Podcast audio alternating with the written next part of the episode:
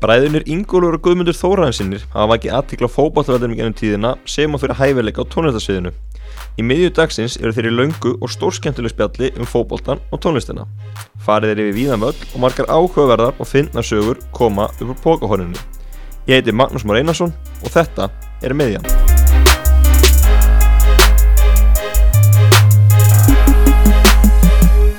Var verið velkominur gaman að fá okkur heimsson Gumi Húr bara ný komin heim eftir tímabilið ekki? Jú, passar, uh, bara í fyrra dag, þannig að hérna,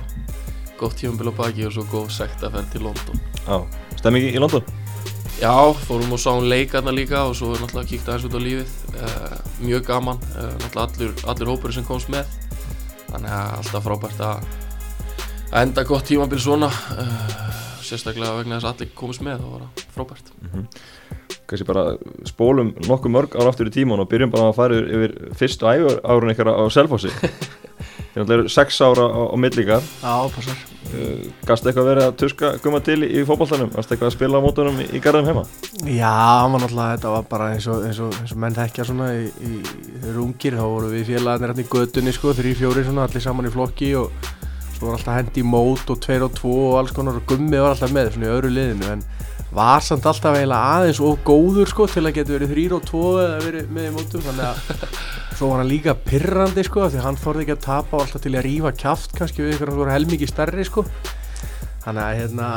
en hann var samt, hann, þannig að hann eiginlega bara dætt inn í grúpuna sko og var sex árum yngri en hérna en var samt alltaf, fylgd alltaf með sko þetta var svona orðið bara einhvern veginn sko ég gæti eiginlega ekki farið neitt hvorki á æfingunni eh, átti mér eiginlega ekkert félagslífið að líða og var einn alltaf sex árum yngri pínu lítill stöppur sko. Með á kantinum sko. Aha, er, það, er það rétt? Já, þetta er rétt, ég eldi bara allt sem að fór og ég náttúrulega, já, ég fekk hjól minni mér fyrst þegar ég var 5-6 ára og svo náði ég einhvern veginn alltaf að spurja, veist, ef við vorum í skólan með eitthvað, þá vissi ég alltaf hvert hann var að fara eftir skóla. Svo var ég bara alltaf mætti þáka og þar þeir, voru farinir að leita einhverjum völlum til að spila hófald og losna við mig. En það gekk ekki neitt, ég eldi bara eftir á hjólinu og var alltaf mættur en en svo var hann reyndar, þú veist, ég verið að gefa hann það, hann var nótrúlega þúlim og var alltaf við mig og leiði mig nú bara eiginlega alltaf að vera með já, ég man aldrei eftir að ég hef verið eitthvað eitt fyrir utan að, horfa á sko, þannig að það var náttúrulega ótrúlega gaman en og svo er eins og þú segir, ég reyf kjátt bara þoli- ég náttúrulega þóldi ekki að tapa.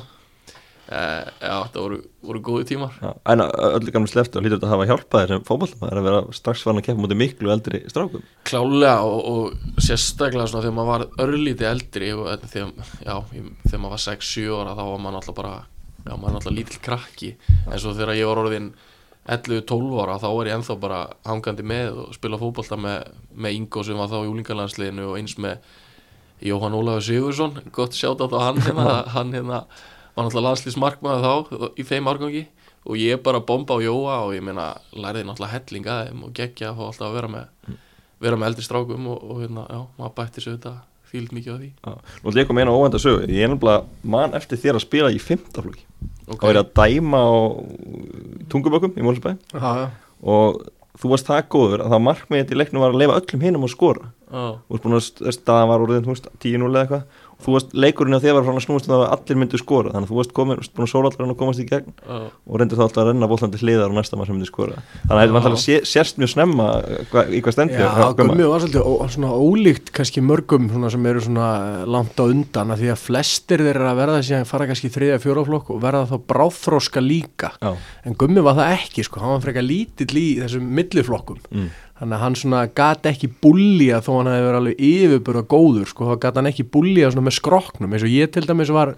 jú, ég var svona alltaf með bestumönnum mínu flokki og svona og svo þegar ég kom í þriðja fjórða þá var ég bara massaður og eiginlega fullorðin bara 14 ára eða eitthvað. Þannig að Gummi var ennþá frekar lár sko þannig að hann svona var aðeins svona late bloomer í því sko. Já. Þannig hérna, en sem er örgulega bara örgulega gott oft fyrir leikmenn sko, þeir eru eins og, eins og hann var náttúrulega búin að fara í gegnum sko, þeir eru ekki endilega stærstur og sterkastur eða þú ert bestur í fótbolta sko. Nei, nákvæmlega. Og þú ert alltaf ungur og byrjar að spila mestafleik þannig að þú ert bara 16 ára ekki og fæði fyrsta sensin Jú, fekk fyrsta tækifæri þá með undir hérna Soran Milkovic Já. og það var náttúrulega frábært tímabil og, og fá sensin í fyrstu til 16 ára var um, mjög skemmtilegt, ég man ekki hvort ég hef fengið að spila Ég held að það hafi verið Fyrir- 15 ára sko. Ég held að, að það hafi verið 2000 og... 2008 held ég. Var það 2008? Já, Var það ekki... sem, já, að Já, já, já, já, já, það er fyrsti deildarleikur sem að kemur þá. Og end, ég held ég endaði þriðasæti og ég var náttúrulega alltaf að fekk að æfa með mistarloknum og, og svo Já. spilaði einhverja mínútur þarna líka þannig að og svo er hann náttúrulega breytti umhverfinu svolítið á Selfossi. Ef við erum að fara inn á það þá hérna, já, svona kom með einhvern veginn meiri metna þangað inn og,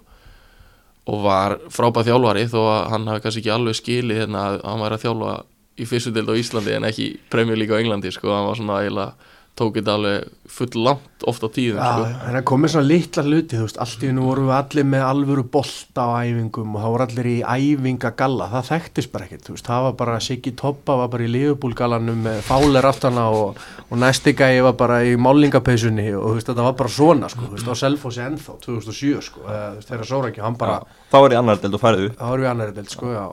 og áttum eiginlega farið, þá vorum við nýkomnir allir heim, þú veist, þá voru ungi strákar eins og Gummi og Jón Dag og svona voru að koma upp og Sæfa Gísla kom frá fylki þarna og, og Jón Guðbrásson og, og Suðurlandsi segna á hann og allir þarna voru, voru mættir. Já, þannig að þá áttu að fara upp og byrjuðum eitthvað illa og þá var Sóran ráðinn inn sko og það var svakalegt sko, þá mætti hann í síðum svörtum leður frakka með svört sólgleru sko og maður var strax hrættur gæja sko. það var bara, og, veist, út og elli það var bara, og hann byrjaði strax að taka sko, þá sem voru mestu kongarnir sko Henning og svona alls konar tappa sko og alveg reynd sko, leta og heyra hann var í kongurinn sko já, það var þú- Gummi byrjaði að spila 2008 og svo 2009 ertu svona farin að festa í sessi Hvernig var fyrir þig, Ingo, að fá litla bóður inn í mestalöku? Var þetta ekki bara auðvelt, við stöðum búin að vera með þér alla, alla? Jó, þetta var bara svona lókist framhald sko, en það var alltaf svolítið svona maður, Gummi var alltaf, ég man alltaf þegar við vorum með mitt sko, þarna 2009 þegar við mitt unnum fyrstu del sko, það var svolítið sérstætt sko og 2008 spilaði hann alltaf líka mitt slatta af leikjum sko, en þá var maður alltaf sko, af því að þegar hann var bara veist, ef þú myndir horfa á þessa leiki þá myndir þú svona eiginlega þegar maður sér stundum í dag sko, gæja koma inn á og þú bara, wow, þessi gæja er ekki gamall sko, mm. hann var einhvern veginn ekkit svona líkamlega tilbúin, hann var bara svo ofbóðslega góður í leiknum að það skipti eiginlega engu máli sko, hann var ekki heldur neitt yfir bara fljótur, hann bara svo góða tækni og sendingar og alls konar, þannig að ég er svona ég sem stóribróður var stundum bara shit sko, þegar hann var að mæta einhverjum törfum át út á kanti sko, hann var bara, þú veist þá var hann bara eins og fymtaflokkskæði líku við á mótið, sko, þú veist, það var svona líkamlega sko, þurftur að passa upp á hann? Já, ég hef nú aldrei verið eitthvað ströyjari sko, en maður var svona aðeins stundum bara, já, minn gangi þið bara vel á kantinu, það fæði valið það sko. Já, nákvæmlega En þið, þú farið upp 2009 þá ertu svona farin að festa þig betur í, í sessi í, í mestalunum Já, náttúrulega tók uh, Gulli Jóns við sætla minninga og fórum náttúrulega upp hann í fyrsta skipti með upp í úrvastild í fyrsta skipti, Selfoss. Já. uh, og þá fekk ég nú að spila held ég alla leiki ef ég var ekki veikur eða, eða Já, meittur 2009. 2009 Já, já, og gekk náttúrulega þrjusu vel uh, og bara ótrúlegu tími í raun að hugsa tilbaka og ég veit ekki að fá svona endur upplöð þetta af því að maður er náttúrulega bara 17 ára. Maður áttar sig ekki alveg á því hvað er í gangi þarna fullt af strákum í liðinu frá já, þarna í kring uh, og stemningin í bænu var náttúrulega já, ótrúlega hvað veist, mættu margir að leiki þarna? Þúsum manns alltaf tíðum Já, þúsund manns bara á leikjum og... og það er svona alveg ótrúlega að hugsa tilbaka hvernig þetta var með svo núna þegar maður kíkir á leik því miður að þetta einhvern veginn hafi ekki náða eða Selfoss hafi ekki náða að halda dampi með þessu meðbyr sem var í gangi. Mm. og handbóltinn svolítið svona tekin yfir núna á Selfoss í rauninni. En já, Þetta gerði svona ótrúlega fljótt þannig segið, menna 2007 farið upp úr annar deild 2010 spilið í Pepsi-deild Já, Þetta var ótrúlega hraður uppgangur og, og, og svo nokkuð margir úr þessum hóp sem fóru alla leið. Já, tókuð þátt í öllu einmitt. Þú og fleiri já, algjörlega. Það bara voru gerð, þú veist, mistök sem er kannski hægt að líta auðvelt ára auðvitað eftir á, en maður hefði samt svona vilja að hérna, þessi mistök hefði ekki verið gerð af, af því sem því sem að að stýri svo, því að hérna, maður hefði alveg geta sagt sér sjálfur að þegar þú kemur upp með lið úr allavega annari delta upp í fyrstu og svo beint upp í úrasteld og ert nánast ekkert að styrkja það að þá þótti svo rosalega göfugt að byggja á heimamönnum og það er svo sem ágætis svona þeóriða sko upp á að fá fólki með en það er ekkert gaman að byggja á heimamönnum og tapa öllum leikjunum sko. Þannig að við þurftum alltaf að fá þú veist fjóra, þrjá, fjóra allavega svona virkilega sterkar leikmenn til að eiga eitthvað möguleika. Veist, og við sáum það alveg undirbúinstíðanbylinu en svo að farið svona, mér finnst þetta að vera svona eins og við sést afsakaði fyrirfram að falla þá segir bara, já við ætlum bara að vera góður og byggja okkar heimamönnum og þó ég að vitir alveg að það sé ekkert að fara að ganga upp sko, þá er eiginlega búin að tapa mótin áður en það byrjar. Og það var það sem var í okkur, það var aldrei þú veist, við hefðum bara þurft þrjá fjóra afbörða góða og held ég þetta hefði getið gengið upp en en hérna það var svona þessi svona svona pínu sveita mennska í þessu því miður. Mm. en, en, en þú segir, gummi, ótrúlega skemmtilega tímar og, og magna, ég var á leiknum sem þið treðið ykkur upp í pepsildinni fyrst skipti Já, hlaupand allir inn á völlin og það því, því gleði og stemming í þessu. Já, og ég held að sé ennþá til ykkur YouTube mymbund af þessu einhvern veginn og maður, ég er svona hort á þau stundum, eða já, hérna, þá svona hugsa maður einhvern veginn hvað maður var bara ungur og vittlus að njóta þess einhvern veginn ekki meira. Þetta var bara, maður var svaka töffar eitthvað komin upp í úrvastild í fyrst skipti með selfos en núna þegar maður er orðinn aðeins þroskar og búin að búa í manneskjur einhvern veginn vinir að upplifa þetta og, og félaga maður laupand inn á og foreldra þeirra jafnvel líka og einhverju eldri kallar hann hálf grátandi að Selfossi komið fyrst skipt í úrvastild og einn svona romantíkin í því að vera veist með bróðum mínum hann á mörgum félögum í liðinu veist þannig að þetta er náttúrulega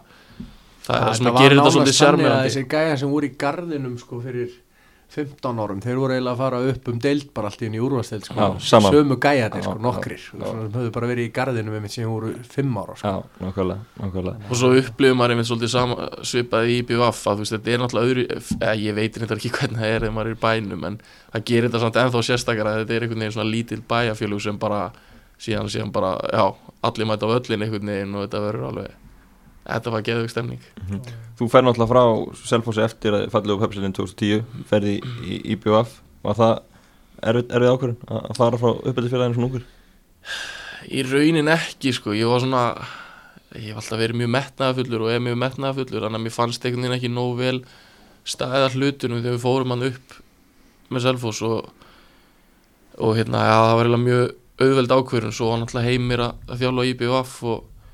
og þeim var búið að ganga frábælega í úrvastildinni og ég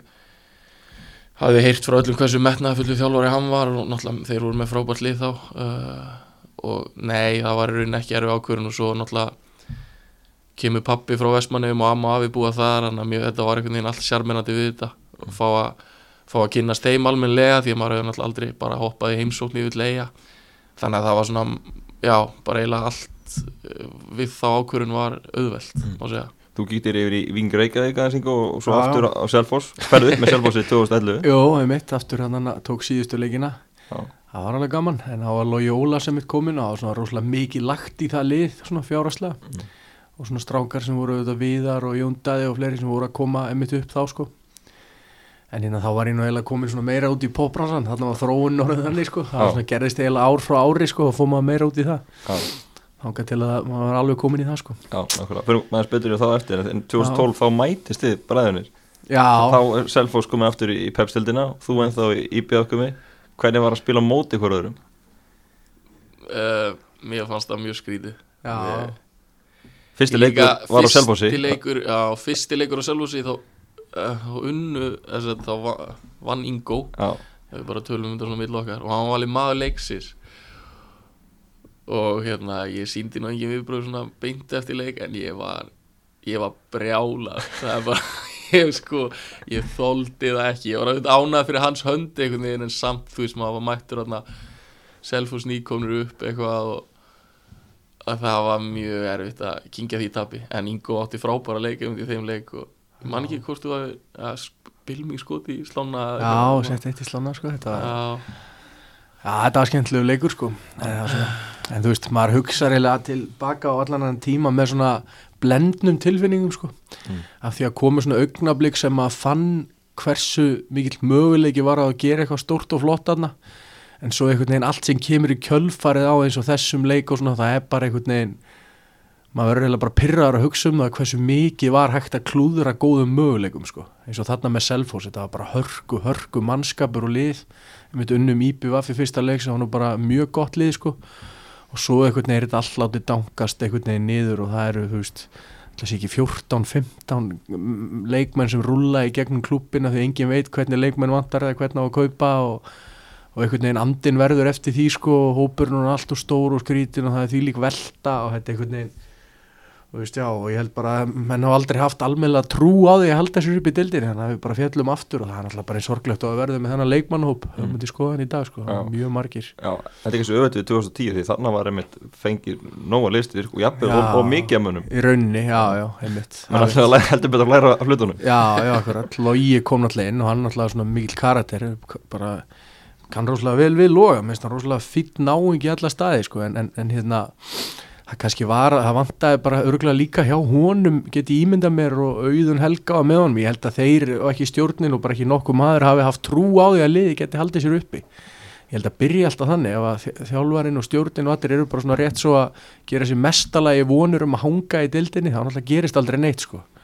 og það smitast í leikmennina og leikmannhópin og meðan ef þú lítur á pappirinn á liði þá er náttúrulega bara að vera að krafa um að fara með þetta liði í Evrópukefni sko. Já, það liði endaði í með 21 stík, 6 stíðum frá örgursæti en þarna Já. voru leikmennin svo Jóndaði,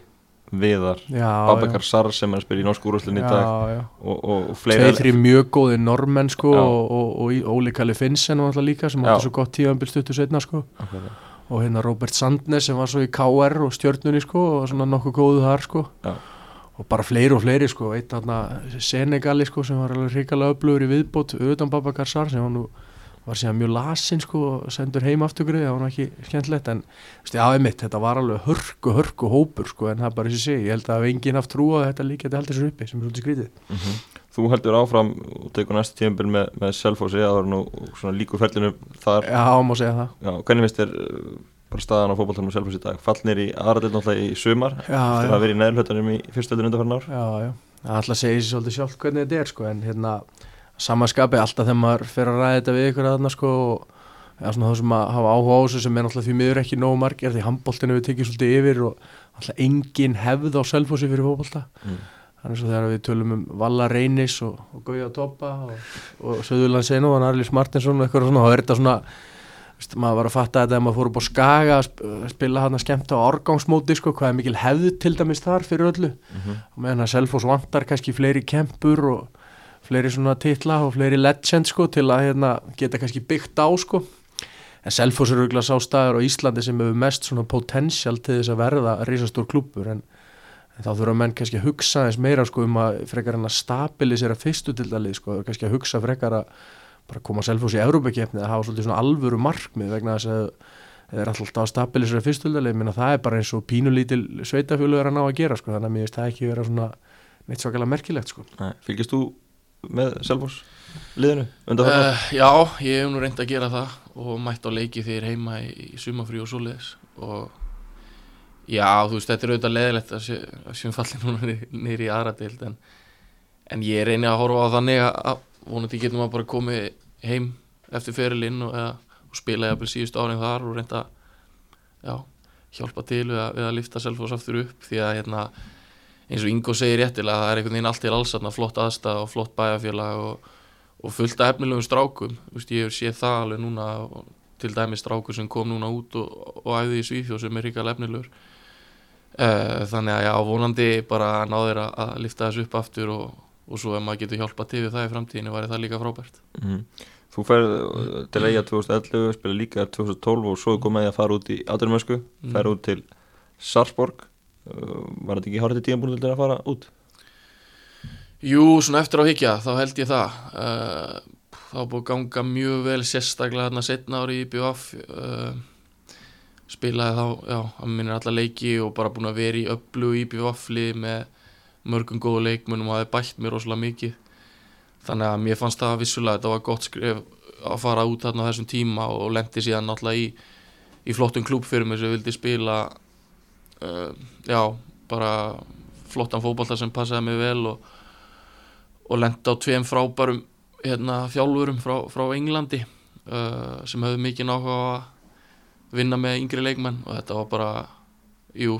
eftir á að higgja frábært skrif að taka Mm -hmm. Eftir tvö ár hjá Sarsborg og sínundu samningslaus og þá voru fréttir með Wolves vildi þið fá þig? Varstu- ég átti eitt ár eftir endar Já, var, já, Ok, en varstu nú aldrei að fara til Wolves 2014? sko, úf, ég held að við erum að he- heilan podcast þátt í hérna, hvernig þetta var hérna, því ég átti eitt ár eftir í Sarsborg þetta var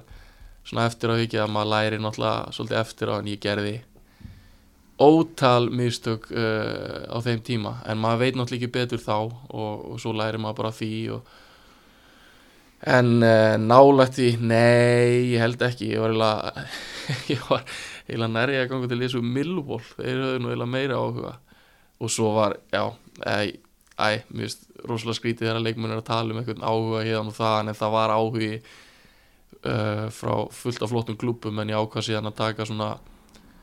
rökréttara skref til Norsjöland í Danmörku. Mm. en já, ég heldur þurftum ég heldur myndum geta að spjalla um þetta heilan podcast átti hérna með, með þetta ára sem ég átti eitt ár eftir að samningi í Sarsborg og ef einhver yngri leikmaður vil ringi mig og fá einhver ráð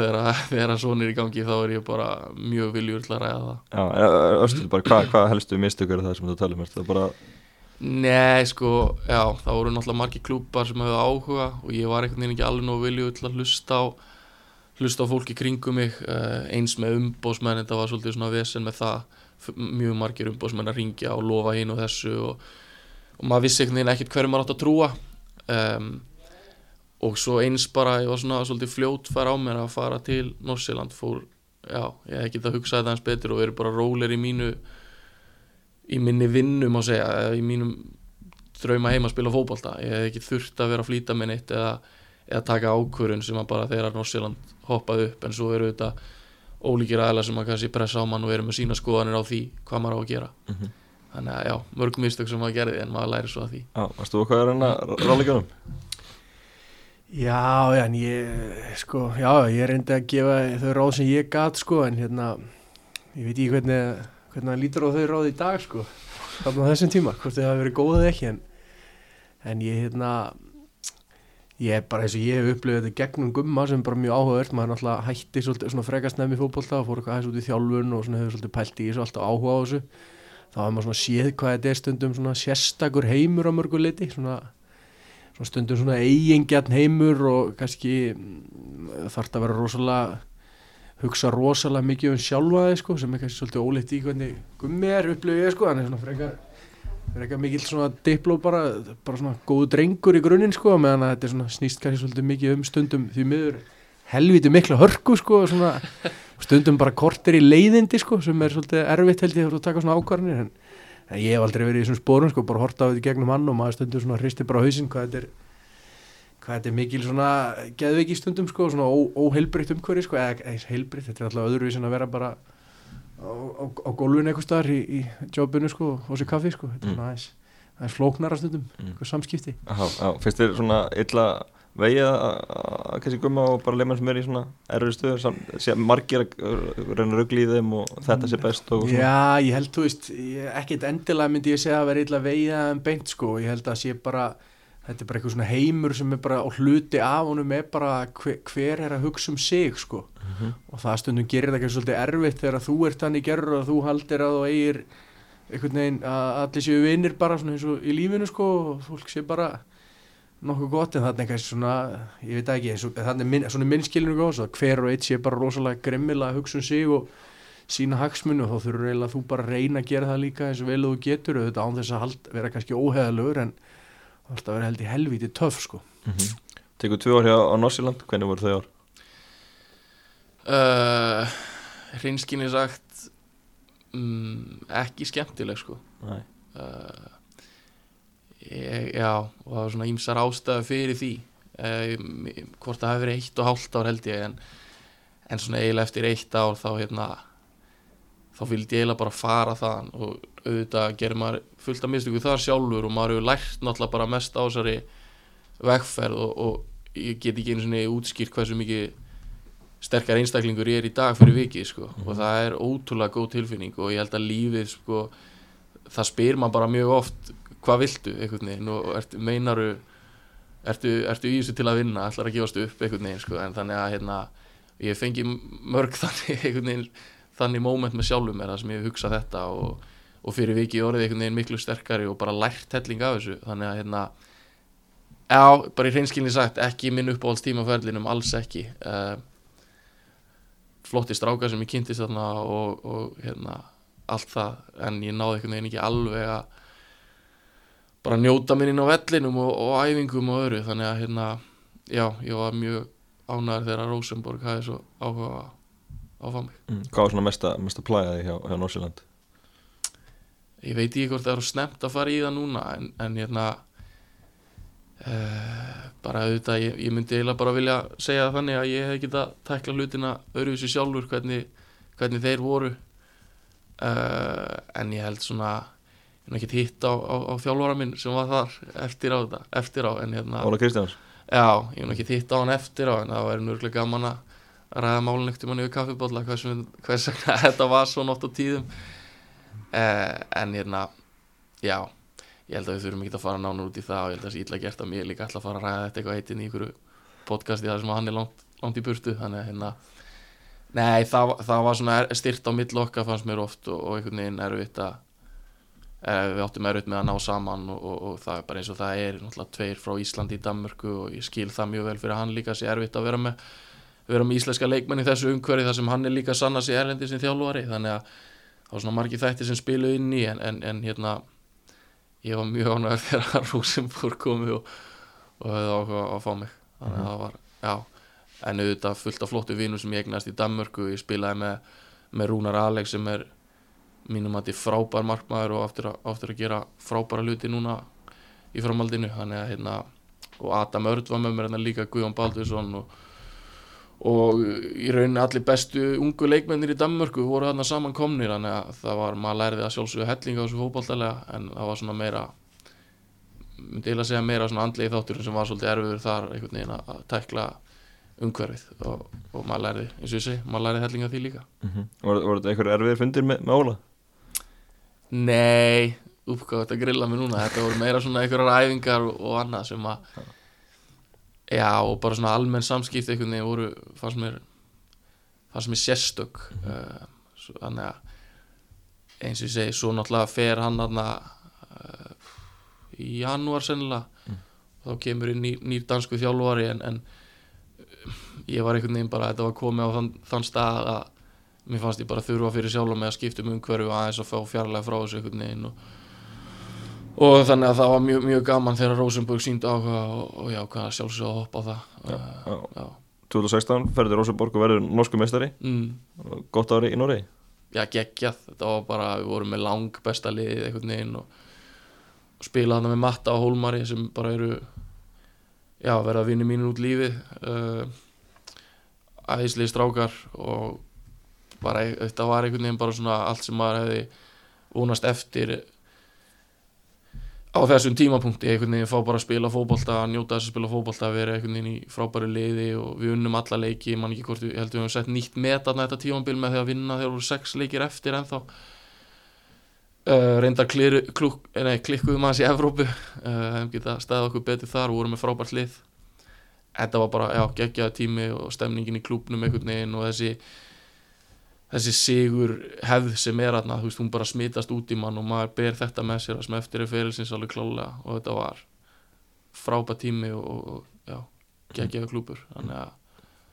og já, útrúlega gaman. Já, Svektur hafa ekki verið lengur Það er alltaf til Nordsjöpingur í, í fyrra. Mjög svektur og líka hvernig var staðið að því einhvern veginn, ég er svona aðeins kynntist í þar svona hversu harður heimur þetta getur verið einhvern veginn og ég meiðist þarna á fyrstu æfingu í januar uh, og ég síðan er ég, er ég bara kallaður inn á fund hvað, þú veist þrem vikum setna veginn, þetta var mjög sérstök tímasetting hjá þeim líka að svona kallaður inn á fund einhvern veginn þegar allir glugga voru lokaðir og þá er bara meiri segja var þetta þannig að sjúkraþjálfarinn ringdi í mig sko á miðvikudagskvöldi og sagði að það væri einhver sérfræðingur frá Svíþjóð að koma að kíkja á niða mér og ég skildi ekki alveg hvað er í gangi. Og svo komst ég að því að þetta var bara sjúkraþjálfarinn á Norrköping sko ætlaði bara að koma og tjekka hvort það væri í lægi með niða á mér og hvort að það yrði já, í he heilt aftur. Þannig að það var svona svolítið erfitt að vera bara að kalla hann á fund og bara tala um að vera best fyrir mig að að fara þanga að þeir myndu fá nýja leikmann í mína stöðu sem var í klár þegar tímabili myndi byrja og auðvitað hefði vilja vera þarna aðeins lengur og sérstaklega hvernig það gekk tímabili áður. Þeir fekk að spila og fekk að spila já mjög mikið og einhvern veginn meir en ég hafi búist við með að þeir eru mestararna ári áður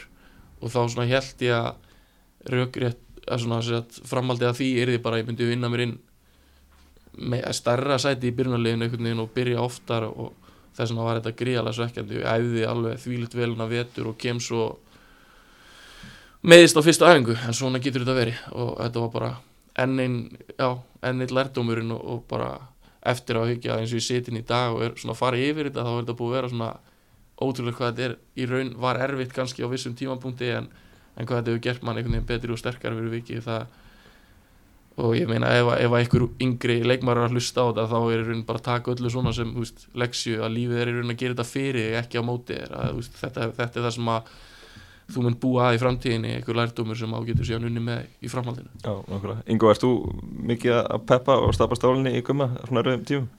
Já, já, svona á minn hátt sko. Stundum tekið nöldrið sko. Svona tek hérna er ekki þá kannski og þá held ég þessi að peppa hann upp sko með því að svona úða í allar áttir og þetta sé, þessi sé vittlisingur og þessi sé svona og held ég sé að hjálpa honum að mikið. En þá segir hann bara stundum að þetta er nekkit mikið að hjálpa mér og sérst að urða yfir þennan. Ég veit alveg hvernig þessi er sko þannig að ég er svona fyrir þetta stundum í hérna í reyðakallin sko sofatuðurann Já, þannig að ég er svona, nei, nei, en ég að, hérna,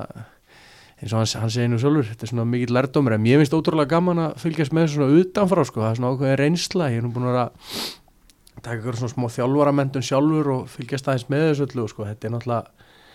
svo undalegur heimur oft sko, mikla tilviljanir og alls konar hluti sem gerast og þannig að þetta er svona að mjög áhugavert sko, maður eiginlega einmitt þegar maður hlustar á þessi podcastin svona ykkur, hvað ferill alls konar leikmanna og alls konar hlutir á að gest sem fer með menn í allar áttir og einhvern veginn að engin veit neitt sko þannig að maður þurfa að vera helviti sterkir sko mm nákvæmlega. Og þú segir, þú er þroskast mikið í undanfænum árum og, og býrði vel að þessu. Já, klála og eins að hlusta á nöldri í Ingo það verður einhvern veginn styrma líka stundu sko að bara geta að segja það eru róluðu núna, þetta er komið gott en hérna, nei, þú veist svo á móti, ég get líka hort á þetta þannig, ég er búin að spila núna í, öllum deildunum í Skandinavíu og búin að standa mig vel í öllum þeim, búin að vinna tvöfalt í í Rosenborg og fekk þar þess að tækifæra á að spila í Európikeppninni og sjá svona gæðin þar á liðinu sem er að fara all- alla leið meistaradeildina. Uh, eins núna tífambili í Svíþjóð gekk frábæla þannig að þú veist maður getur líka hort á þetta að sjálfsögðu ekki allt gengi upp eins og maður vonaðist eftir en, en þeir tímar einhvern veginn hafa samt kent manni mest og þannig að ég er ennþá 26 ára og gekk frábælega ár svo leys að þetta hefur einhvern veginn allt bara undirbúið mig fyrir það sem koma skal og það er lang best að horfa á þetta þannig það sem hefur ekki gengið vel að einhvern veginn taka það bara sem leksi og lærdóm en svo hafa verið frábæri tímar inn á milli það sem að og fótboll er ennþá skemmtilega sem ég ger í dag að spila fótboll einhvern veginn það bara erfitt að lýsa þeirri tilfinningu er kannski allir þekki á tilfinningu sem á að spila fótboll þá finnst gaman að því einhvern veginn maður bara dettur inn í sitt són og svo er maður bara já njóta og þetta er ennþá þannig þegar ég fer á æfingar í dag einhvern veginn að það hafa verið ótrúlega margi góði tímar í þessu líka. En svo ég veit ekki okkur við höfum dottið svona inn á að ræða aðeins það sem hefur verið erfitt en maður fer oft í það einhvern veginn því að það liggur lærdómurinn en svo hafa verið moment bara sem að einhvern veginn maður stendur bara og er bara wow, veist, þetta er þetta er geðveikt, þannig að fullt að jákvæðan punktu líka sem að maður tekur með sér svo í framhaldinu. Já, og, og tímabili núna var, var gott hjá Norsöping, endið í öðru seti, tveimur stugum eftir AEK, það vantaði svona hesluminni til að ná, ná tillinu. Þið voru að elda og, og náðu ekki alveg að, klára það. Já, og þetta virkar einhvern veginn þannig síðu að klúbanir sem eru í Stokkólmi þeir fá einhvern veginn alla aðtiklina og við einhvern veginn komum hann það síðan og allt inn bara síðast í leikurinn og herru, þeir eru það mögulega að vinna deildina þetta var, Já. svona, þetta var mjög skemmtilegt tífambil og við erum með frábært lið uh, og gekk náttúrulega ótrúlega vel og eiginlega það sem er grátlegt við þetta var að, að frammerin okkar komst bara ekki í gang fyrir bara einhvern veginn svona alveg í lók tímabils. Þannig að við vorum bara með eitt leikmann sem að fór upp í tíu mörg og frammerin okkar í nýju og þar þrjú vítum. Þannig að við fyrir svona já,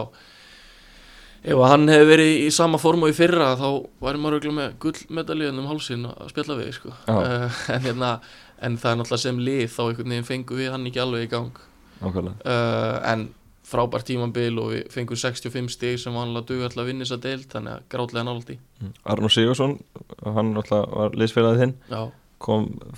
frá Ía uh, fyrir rúma ári síðan og er núna farin að spila meistardöldinni síðast í gerkvöldi. Sástu þetta fyrir þegar hann mætti á fyrsta aðeins að að þetta er, er svona? Nei, ég man ekki alveg hvað ég hugsaði þegar að mætti á fyrsta æfinguna. Hann alltaf þroskaði svo hratt líkamlega líka núna á þessum tíma einhvern veginn þegar ég ég, ég, var, að segja þetta við hann núna þegar við vorum saman í landsliðinu sko. ég var að skuttlunum á hóteli þegar hann var fyrst að koma ég kom örgulega bara tveim vingum undan hún og var búin að finna íbúð svo var ég að skuttlunum á á hóteli alltaf þar sem hann var að gista sko, og hann einhvern veginn hann að- hann, hann hefur verið 18 ára 17 ára ennþá sennilega að verða átján og sagði aldrei takk fyrir farið sko. þetta böggaði mig mjög mikið og ég var að segja þetta við hann núna að við vorum saman í landsliðinu en síðan tók hann bara ótrúlega, ótrúlegum framförum og þú veist skemmtilegu strákur, flottur einstaklingur einhvern veginn og, mjög svona heilstiftu náungi. Um, bara framtíðin er hans einhvern veginn. Hann er já, ótrúlega svona góður í fótbolta og það er það sem að ég náttúrulega ég elska þannig leikmenn sem svona skilja hlaupin í kringu þá og teknískur, flottur einhvern veginn og, og svona já, það er einhvern veginn svona erfitt að lýsa honum almennilega sem leikmann en hann er mjög flinkur og bara svona góður í fótbolta myndi ég segja að sé svona besta lýsingin á honum veist, hann læriði einhvern veginn strax inn á systemi sem við vildum spila og, og pressukerfið sem við notum veist, hann var einhvern veginn alltaf mættur á réttum tíma á réttum stað og, og, og svo gerist þetta náttúrulega ótrúlega rætt með CSK Moskvu hann sé komið þangað og,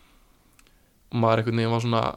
já, farin að njóta þess að spila með hann og þá var hann farin af því að við vorum saman þarna vinstra megin. Mhm. uh, gerist eiginlega fyrir mitt leiti ofrætt af því að maður var eiginlega farin að njóta þess virkilega að spila með honum og þá er hann farin þannig að ennu þetta, já, frábært fyrir hann. Ekki, ég er ekki að meina að þannig að þetta sé ofljótt af því að hann hafi verið klár, heldur bara fyrir mig persónulega að maður hefði vilja fá nokkra leiki með honum í Nákvæmlega. Ingo, horfðu þú á alla leiki á gama? Já, ég har alltaf líkið á Norrköping, ég fór um þetta hérna, heimsóttan um daginn, þá var ég hugsað sko þegar ég sá hérna hvað, Kalle Holberg sko, það líka eins og maður hefði bara að sjá Stevie G sko, maður er búin að horfa á eitthvað gæja í, sem að, kannski er ekkit svo þekktur, maður er bara búin að horfa á alla leikið með honum í tvö ár sko, maður er alveg búin að fagna í maður, yes maður, kann maður að skora og svo alltaf er maður mættur hérna og eins og maður sé að sjá hérna, einmitt eins og maður sé að sjá Liverpool-liðið sitt sko þegar maður var lítill sko, maður horfður gjössal á alla leiki svona diggur stöðnismæður, Norrköping sko Já, nákvæmlega hérna, ég held þeir hefðu þurft, þú veist, bara vantægilega bara hæslu munn að vera mistar ef einmitt eins og segja, þeir hefðu haft svona meiri skorara í sendernum eða það var svona massíft lið sko, jamt lið en bara kannski einn, tveir í viðbútt þá hefðu þeir sennilega klárað þetta mót sko Mhm. Þú vorst að spila sem vængbakurur, mm. að ekki? Jú, nánast, já Hvernig, hvernig fílar það? Mjög vel sko, þetta var gaman, þetta var svona uh, Já, við fáum sem sagt miðjumann frá Hereven og miðjumann frá Basel fyrir tímabil og þjálfarinn spyr mér í rauninni hvernig, hvernig mér lítist á að spila vangbakur og ég Já, því að við vorum eiginlega ennþá að skipta yfir, skipta yfir í þetta system sem að er hérna, já, með vangbakuri 5, hvað ég kallar þetta 5, 2, 3 uh, já, veist, mér leist bara vel á það, ég vissi alveg hvernig hérna, hvernig ég geti spila vel þessa stöðu sérstaklega í þessu liði sem ég er í þarna. Við erum alltaf með mikið með boltan og svo gæti ég komið einhvern veginn, fekk svona mikið frjálsræði til að koma inn á miðjuna og vera þar líka einhvern veginn að- stjórna spili með því. Þannig að maður var kannski ekki svona eitthvað alltaf klassískur vingbakur upp og niður kantinn þó þetta hafi verið mikið hlaup en fann það einhvern veginn bara svona eftir 2-3 leiki og ég hafði svona kannski mestar ágjur af varnalega hvernig ég myndi tekla það að vera svona oft í öftustu línu og ekki náttúrulega gert það mikið hingað til á ferlinum en svo bara gekk þetta hrikalega vel og ég held svona ef maður ég veit ekki alveg ekki að hrósa sjálfum mér og mikið en ef maður svona kann leikin, kann fótbolta þá einhvern veginn getur maður leist flestar stöður á vellinum og það og svo bara einhvern veginn að hafa verið á miðju öll þessi ár þá var, fannst mér einhvern veginn bara létt að vera komin að næðis út á kantin og vera einhvern veginn bara með pressu frá já, einu svæði á vellinum. Þannig að maður er alltaf vanur að vera með leikmenn alls þær í kringum sig og, og þurfa að vera einhvern veginn alltaf með head over your shoulder einhvern veginn að, ég veit ekki hvernig, hvernig maður segir á íslensku horfa í kringum sig og vera klár úr öllum áttum. Þannig að þetta var mjög gaman og sérstaklega svona reynslan sem ég fekk núna varnarlega að þurfa að vera svona virkilega fókusur á hlaup fyrir aftan sig og vanlega hefur bara eitthvað miðvöru tekið við þeim en núna þurfti maður svona sjálfur að bera oft ábyrð á því þannig að það var já, þetta var bara ótrúlega skemmtilegt tímabil og sérstaklega, já, og gekk náttúrulega hrikalega vel og, og gaman að geta sínt það að maður getur spila fleiri en eina stöðu svona vel þannig að það var já, mjög gaman, ég spilaði náttúrulega, já, hver einustu mínúti fyrir utan eitt leik í banni þar sem að ég fór á þjóðutíð og svo yngur taka brekkusöngin þannig að þetta var eiginlega fullkomin tímabil svona ef maður hugsaði tilbaka með upp á það að gera líka þannig að já, bara gekk mjög vel og, og hvernig ég smatt svona fljótt inn í þessa stöðu og bara virkilega gaman. Mér finnst stundum sko þegar að hérna einmitt ég er að horfa á þessa lengi í Svíþjóð því ég er nú búin að horfa á gumma bæði í Danmörku, Svíþjóð og Núri, svona úrvasteldinni og mér finnst stundum kannski aðeins gleymast ég var nú að ræða þetta við Jón Gunna þegar ég fór út einmitt síðast sko, svo ég sé nú ekki alveg hlutræður sko, en með stundum sko kannski ekki gert nógu mikið úr því þegar, eins og menn eru í svona deildum á Norðalundum að þetta eru alveg hörku, hörku deildir eins og í Svíþjóð, ég var nú bjóðaðna og var í eitt ár því ég var 17 ára sko og ég held að sé svolítið, menn átti sig ekki alveg á því að það er meirinn að segja fyrir unga stráka að fara út og komast í liðið og spila alla leiki því það er svo rosa, þetta er svo miklu, miklu stærri en Ísland sko. Og miklu erfiðar að stabilira sig held ég heldur en margir halda eins og við höfum séð bara góða leikmenn fara hérðan út kannski til Norðurlanda og bara erfitt með að komast almela inn í hlutina. Þannig að ég held að það sé svona sem að kannski gleymist aðeins í þessu eins og, eins og hjá Gumma hjá Norrköping, veist, maður fer alltaf út og eins og ég við ekki náli þegar var fyrst að fara til bæði Norregs og Danmarkur sem hugsaði, já já, þetta er fínt, þú veist, allt er lagi. Svo fer maður á, bæði fyrir á æfingasvæðið og leikina og svona, þá sér maður eiginlega hvað þetta er langt um starra heldur en sko kannski hérna heima. Það er þó svo að það séu þetta mörg, margi klúpar að gera flotta hluti hérna heima sko að reyna að byggja umgjörðina og peningalega og allt svo leiðis en þá er þetta svo miklu, miklu, miklu harðari samkeppni og mikið að strákum eins og bara í, þú veist, Gautaborg og Stokkólmi og náttúrulega í Norsjöfík að segja geta sót stráka víða að, sko. Hvað eru í raun fáir sem síðan kannski, sem langar að vera í þessari stöðu, sko, en eru bara rosalega samkeppni um hverja stöðu, sko, á þó það séu Norðurlöndin, sko. Þannig að mann þurfa að vera helviti sterkir svona til að kannski spila alla leikið, það held ég að gleymi svolítið hjá gumma því að hann hérna kannski er ekki þetta sallin mörgum eða neitt svoleiðis en það er nokkuð stert að vera alltaf í liðinu, alltaf key player, alltaf að spila sko. Þannig að hérna og ég held að það gleymist svolítið í þessu sko það er eins og ég segi, meirinn að segja það sko. Mm -hmm. Þú tekið einmitt upp hanska fyrir hann og, og, kallaði eftir hans í valinni í landsliði settur hann status á Facebook í, í sumar og ég fann kannski aðeins að grípa inn hann Þú segir, finnst það stundur sigla fyrir mikið undir ratarnum, ekki náma 26 ára og getið þess að ná 10 ára eftir en það fyrir hann aðalega á fókbaltilegum gæðum þegar einhver líkælum yfirbyrðum. Líklega aldrei fengið alveg séns með landsliðinu en ekki mikið fyrir að sparka langt og hátt og ekki bara eitthvað. Þetta er svona aðeins, aðeins litað af svona gamalli sín og, og náttúrulega sko og ég aðeins að ranta hann eitthvað vel pyrraður yfir ykkur. En hérna, neini, minna ég, þú veist, ég var að hugsa þetta um daginn sko þegar til dæmis hann valin í hópin hann fyrir síðasta verkefni sko og var svo eini í hópum sem spilaði ekki mínútu. Og hérna, og ég hugsa ég geti, ef ég ætti að fara í eitthvað svoleiðis þá geti ég að tala upp 30 leikmenn sem hafa fengið tækifæri sem hafa hérna ekki spila nærrið því jafn mikið og gert nærrið jafn mikið í atvinnum eins og hann. Og hérna og ég hugsa, ég fór að hugsa hvort ég væri hlutur á því maður reyna að vera ekki þetta er bróðum minn, hann áður alltaf, hann er langbæstur þá fór ég að hugsa hvort maður væri hlutur en þá fór ég líka bara að skoða, hann er kannski búin að spila 300 leiki í atvinnum eða eitthvað líka og hérna og sko, og ég er ekki að segja sko hann er að vera bara í byrjunaliðinu fyrsta leik á EM, en mér finnst alveg að hann mætti kannski fá að sína eins hvað hann getur raunverulega því ég held að stundum sé eins og íslenska landslegin alltaf með frábara leikmenn inn á milli sko og mjög gott lið, en ég held að hann hef, geti líka bara verið góður að spila með þessum strákum ef hann fengi eitt, hann, hefur aldrei fengið tækifæri til þess, segi ég sko, hann hefur spilað kannski einhvern varalisleik á móti Kanada eða hvaða er sko, en hérna en hérna, já, ég, mér finnst það sko, mér finnst það, og þó ég reynda að hugsa ef þetta væri einhver annar leikmar, bara eins og Mattias Viljánsson eða maður reynda að finna einhver dæmi sko sem einhvern veginn hafa silt mikið undir radarnum, en ef þið myndu vera að henda inn í þetta, þá held ég að sé sko og landsliðið er svolítið náttúrulega eins og menn tala um velu sér sjálft og það allt sko, en svo komið strákar inn eins og Jóngunni og Holmar og Rúnar Már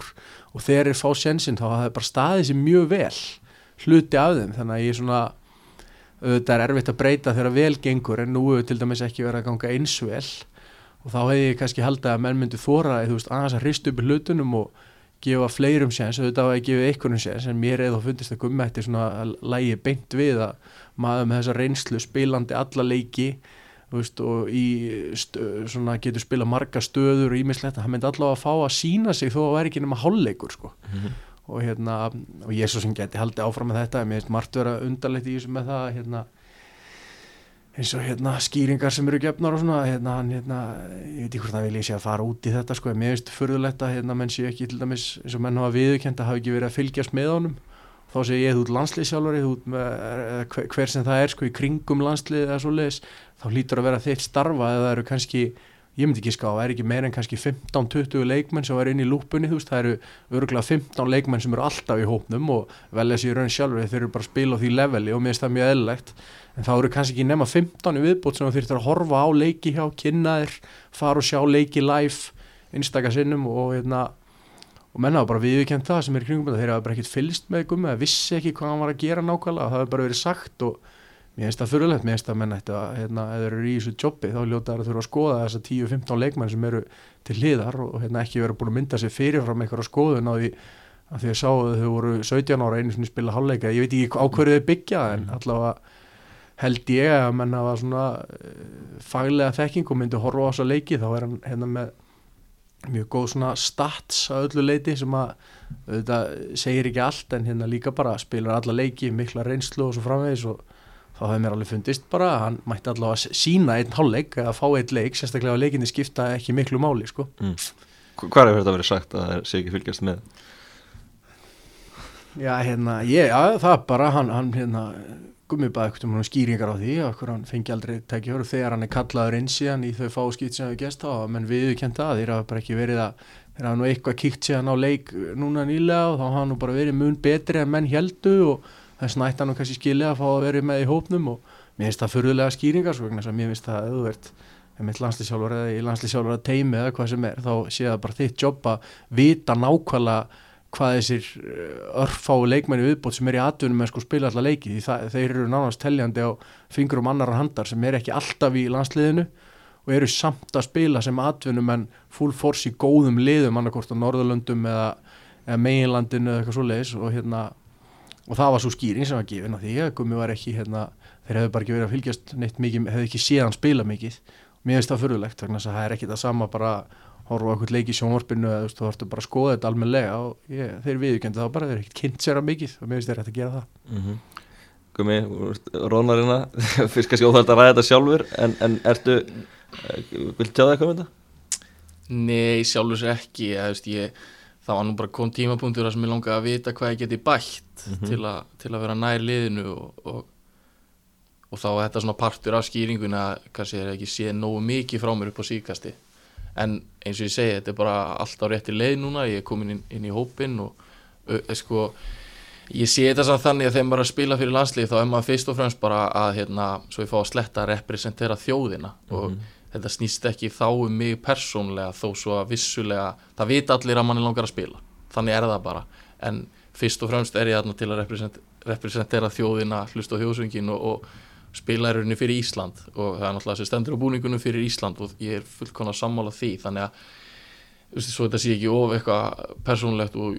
eitthvað við erum farnir í einhvern veginn fullt svona neikvæðan pakka með þetta en þá væri auðvitað greiðlega gaman að fá sjensin og, og ég held að öllum sem er í sem er að spila fókbólta hafa metnandi þess langar að spila fyrir land og þjóð. Og þess vegna kannski hefur maður stundum auðvitað verið svektur að, að fá ekki tækifæri til að sína hvað maður getur sérstaklega þegar manni líður og finnst eins og maður geti hjálpa til á vellinum og gert góða hluti að hjálpa til við að vinna leiki og svo framvegis. Þannig að þegar manni finnst maður hafa mikið fram að færa er auðvitað erfitt kannski að fá ekki sjensin en, en þetta er alltaf rétti leið. Ég er í síðasta hóp og, og jú, við fekk ekki mínúti þar en þá kemur það bara setna þannig að ég er svona að reyna að horfa á þetta kannski aðeins jákvæðari augum og er ekkert að stressa mig of mikið á því þó að tækifæri hafa ekki komið núna því að þetta er náttúrulega ekkert langt frá því að vera búið einhvern veginn, maður er ennþá 26 ára og á bara besti árin eftir og, og mér finnst ég núna eða fyrst þetta tímanbíl hafa tekið út svona fullan þroska einhvern veginn, ég hef alltaf verið svolítið seinþroska líkanlega. Þannig að ég vil kannski ekki alveg taka svona djúft í árun eins og yngo með, með vissa luti en, en hérna já, þú veist, bara svo snýst þetta bara um þegar maður fæði tækifæri að grípa tækifæri og, og tækifæri mun koma en maður heldur áfram bara að einbeta sér að réttum hlutum og, og einhvern veginn, já, halda áfram að bæta sig. Þannig að ég er svona eh, sjálfsögðu erfitt stundum á ekki fengið tækifæri og sérstaklega svona í framaldi af kannski utut og eins þegar ég var þar og gekk rosalega vel. Þannig að hérna, en það er bara eins og það er og svo það maður að sína þólum að ef ég fór inn á áðan að ég held að ef maður vill ná langt í, í, í hverju sem maður er að gera þá held ég að lífið svona spurjum manna þessi oft ertu virkilega tilbúin að taka, taka það sem að þið finnst þá vera vonbrið en svo, já hefur þetta kannski aðla landsliði sem maður hefði viljað oftar fá, fá ykkur tækifæri en, en hérna, það kemur bara mm -hmm. Erstu pyrraðar eins og sem er það einhver fyrir á Facebook og, og hendur þessu í lottið? Sko sem betur fyrir þá hérna, hef ég svona lært að, að hérna, Ingo fær bara að gera það sem hann vil og segir veist, það, við erum, erum sikkur einstakleikandir skilur og, og hann hefur náttúrulega sterkast skoðunar á þessu og hefur stutt mig gríðala í, í gegnum fókballan og alltaf verið fyrst út að heyra í mér þegar það gengur vel eða þegar það hefur gengið á illa eða, á, þannig að hérna, hann fær bara að hafa sína skoðanir á því og svo þarf ég, ég er náttúrulega ekki já, ég er ekki hann, hann er ekki ég veginn sko, þannig að ég var ekki pyrraður kannski en svona, já, hann er hérna, hún finnst gaman að taka svona annars slæði smá rand, þannig að hérna, hann verður bara að fá að gera það og það er bara partur af því hvernig hann er. Svo leiðis að já, ég, nei, nei, ég var ekki pyrraður en ég svona, ég man ekki hvort ég hef ringt í því og verið svona eitthvað, æja, engo, þetta var svona. Já, ég hef nú lagt fyrir hann líka svona ef ég er að hugsa eitthvað veist, og langar að setja það svona ofinbarlega út eitthvað sko, hann svo oft þurfti að bremsa Já, já, algjörlega en, ég stend alveg við það að mér finnst hérna, bara undarlegt að hann hafi ekki fengið neinn tækifæri af því ég, ég sé það þannig, hann hafi bara aldrei fengið séns. Þú veist, og það er bara ekki að sama að fá séns þú veist, að vera kallaður inn og vera eh, nánast keila heila landslisverð sko. það er bara ekki að sama og fá kannski farin á völlin og sína hvað þú getur og vera hugsaður sem hluti af þessu en ekki bara til að, til að friða eitthvað sko, að vera að velja þú veist og vera passa brúsana sko, bara inn á mig gæjan hann að spila 300 leiki aðdunum með sko, sko, hann lítur að geta farið inn á í hálftíma sko, eins og alls konar menn sem hafa fengið tækifæri til þess, það er bara gott. Þá geta menn allavega að metið það sko, hvort hann eigi eitthvað tjens og ef hann fer inn á og, og hérna er bara með allt lórið þá er það bara, það er búið að reyna það sko, en meðist furðulegt að hafa aldrei fengið tækifæri til þess. Þú setur þetta fram á, á Facebook. Ekki Twitter, fótboltamræðin er. Þú ert ekki á Twitter? Nei, ég er ekki Twitter, ég er hérna menn er að lenda grimt undir vagninum á Twitter þegar þeir opna munnin sko, þannig að ég, ég hef aldrei byrjað á Twitter sko, ég er svona maður, svona, maður nenni því ekki sko. Nei, en svo spáð maður líka að reyna að tjá sig aðeins minna persónulega sko, það er ekkit endilega holdt sko því að miklu betra að tala bara face to face sama hva, hvar það er og við hverja sko það er, ég held að það sé alveg holdt þú veist, maður kannski reynir að byrja engan svona kala til eitthvað sem maður er just, ósamála en ég er bara, maður er að reyna maður er bara að ströggla við þetta eins og með gumma þú veist að vera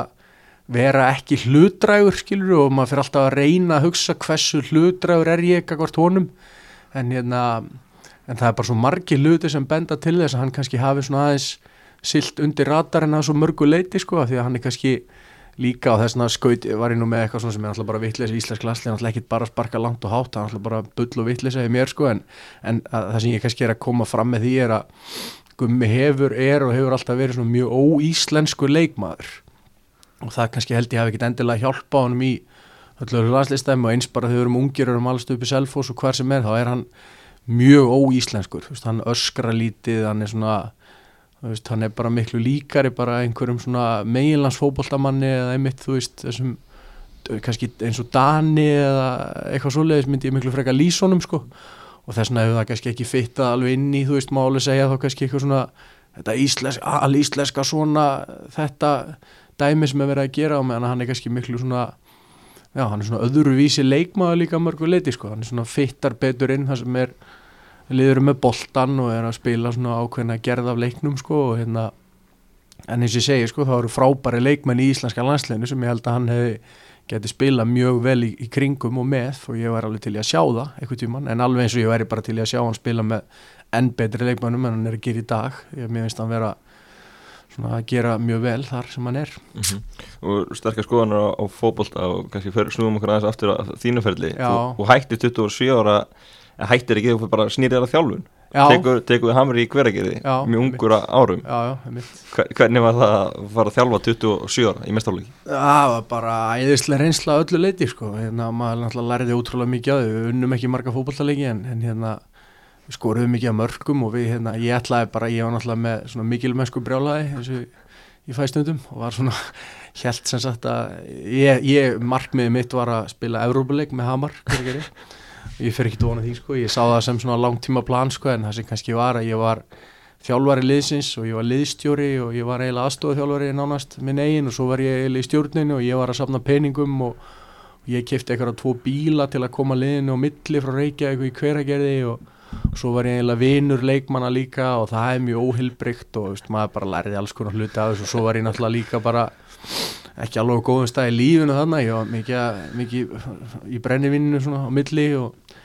og hérna var svona ekki alveg í kannski andlegu jafnvægi til að gera þetta líka en samt sem áður þá hérna var þetta mjög góðu lærdómur og ég fór út í þetta af því að mér, ég hef alltaf svona svolítið sterkast skoðanar á þjálfurum sem er auðvitað alls ekki gott held ég að ert leikmar að hafa svona sterkar skoðunar á hvað þjálfarinn er að gera sko, hann ætti bara að hugsa um sig og, og grjóthalda kjafti sko, en ég gæti aldrei gert það og það er náttúrulega skemmti bara eiginlega fyrir mér allar minn feril, ég mér varst alltaf þjálfarinn hálf vonulegs og þess átti ekki að vera inná og inná með þennan og ég vildi eiginlega alltaf stýra þið bara hver ég var inná og hver er ekki.